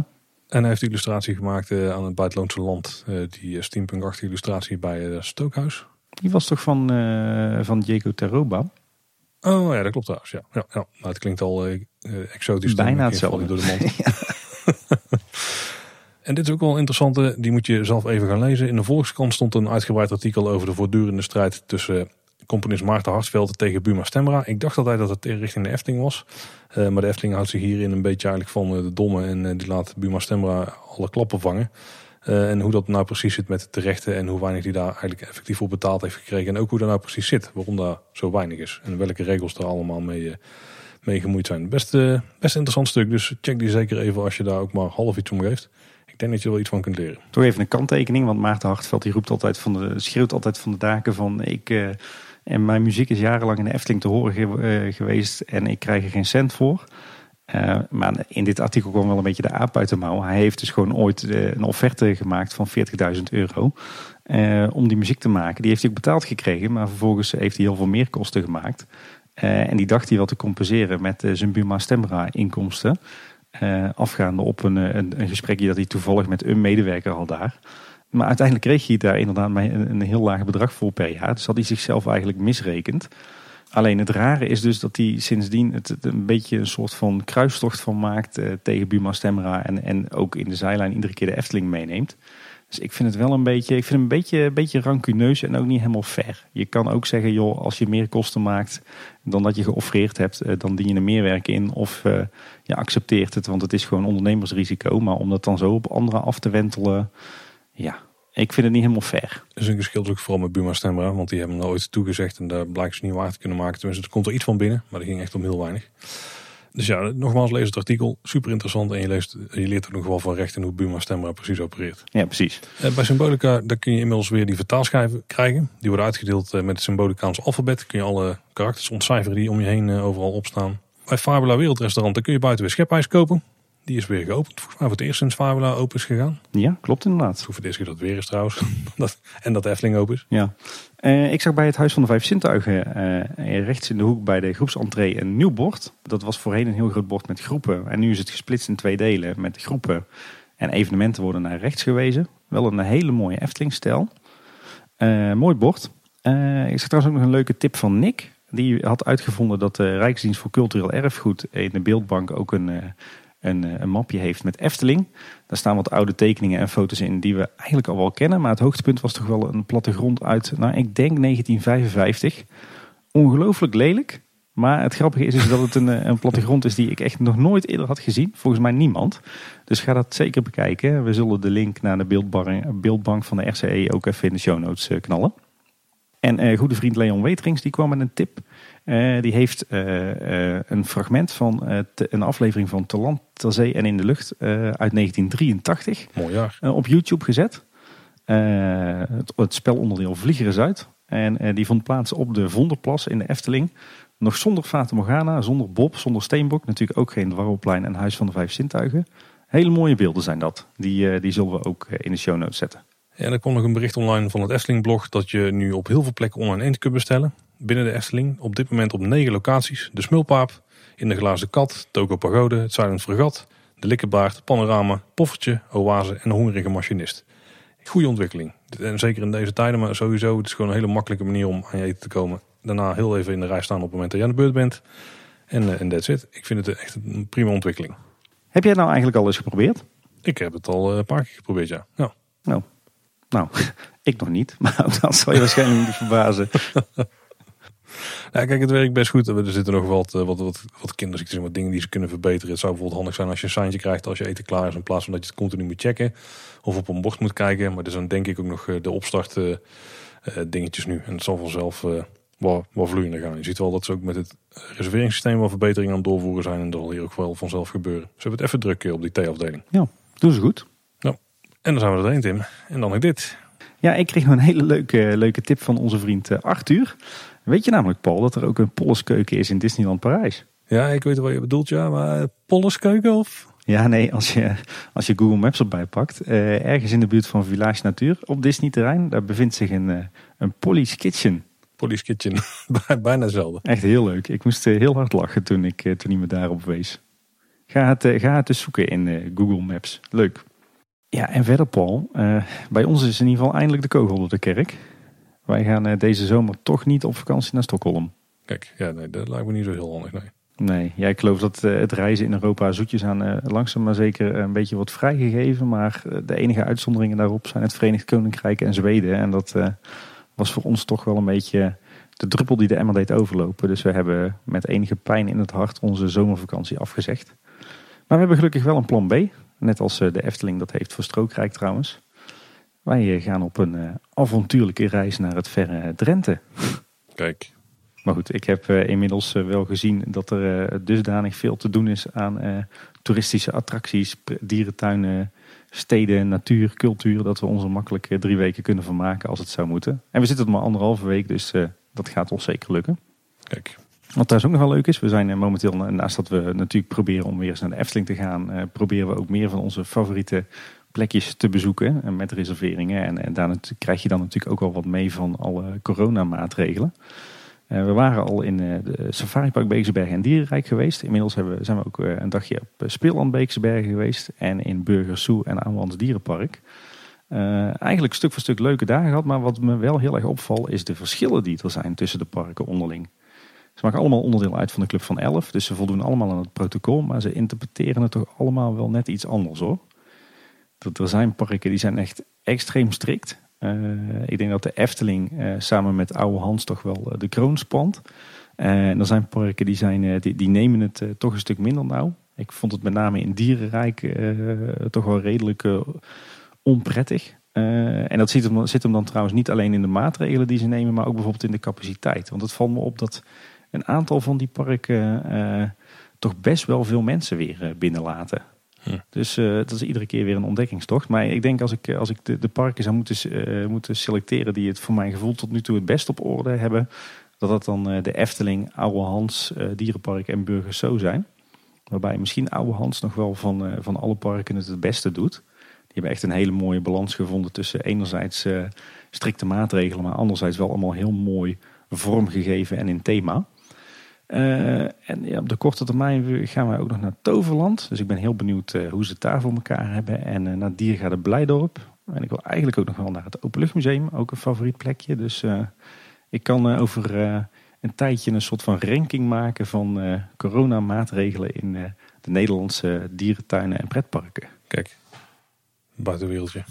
ja, oh, dat is wel een goed idee trouwens. Want we hoeven denk ik geen, geen buitenwereld te maken van onze zomervakantie deze keer. Ik uh, heb geen idee. We hebben ons nog allemaal los schroeven, dus we gaan het zien. En tot slot nog even een paar tips. Een leuke leestip is een nieuw lemma op Eftepedia. Die doen het altijd goed. Die hebben nu een lemma geschreven. Dus een artikel over de richtingaanwijzer toegangsweg.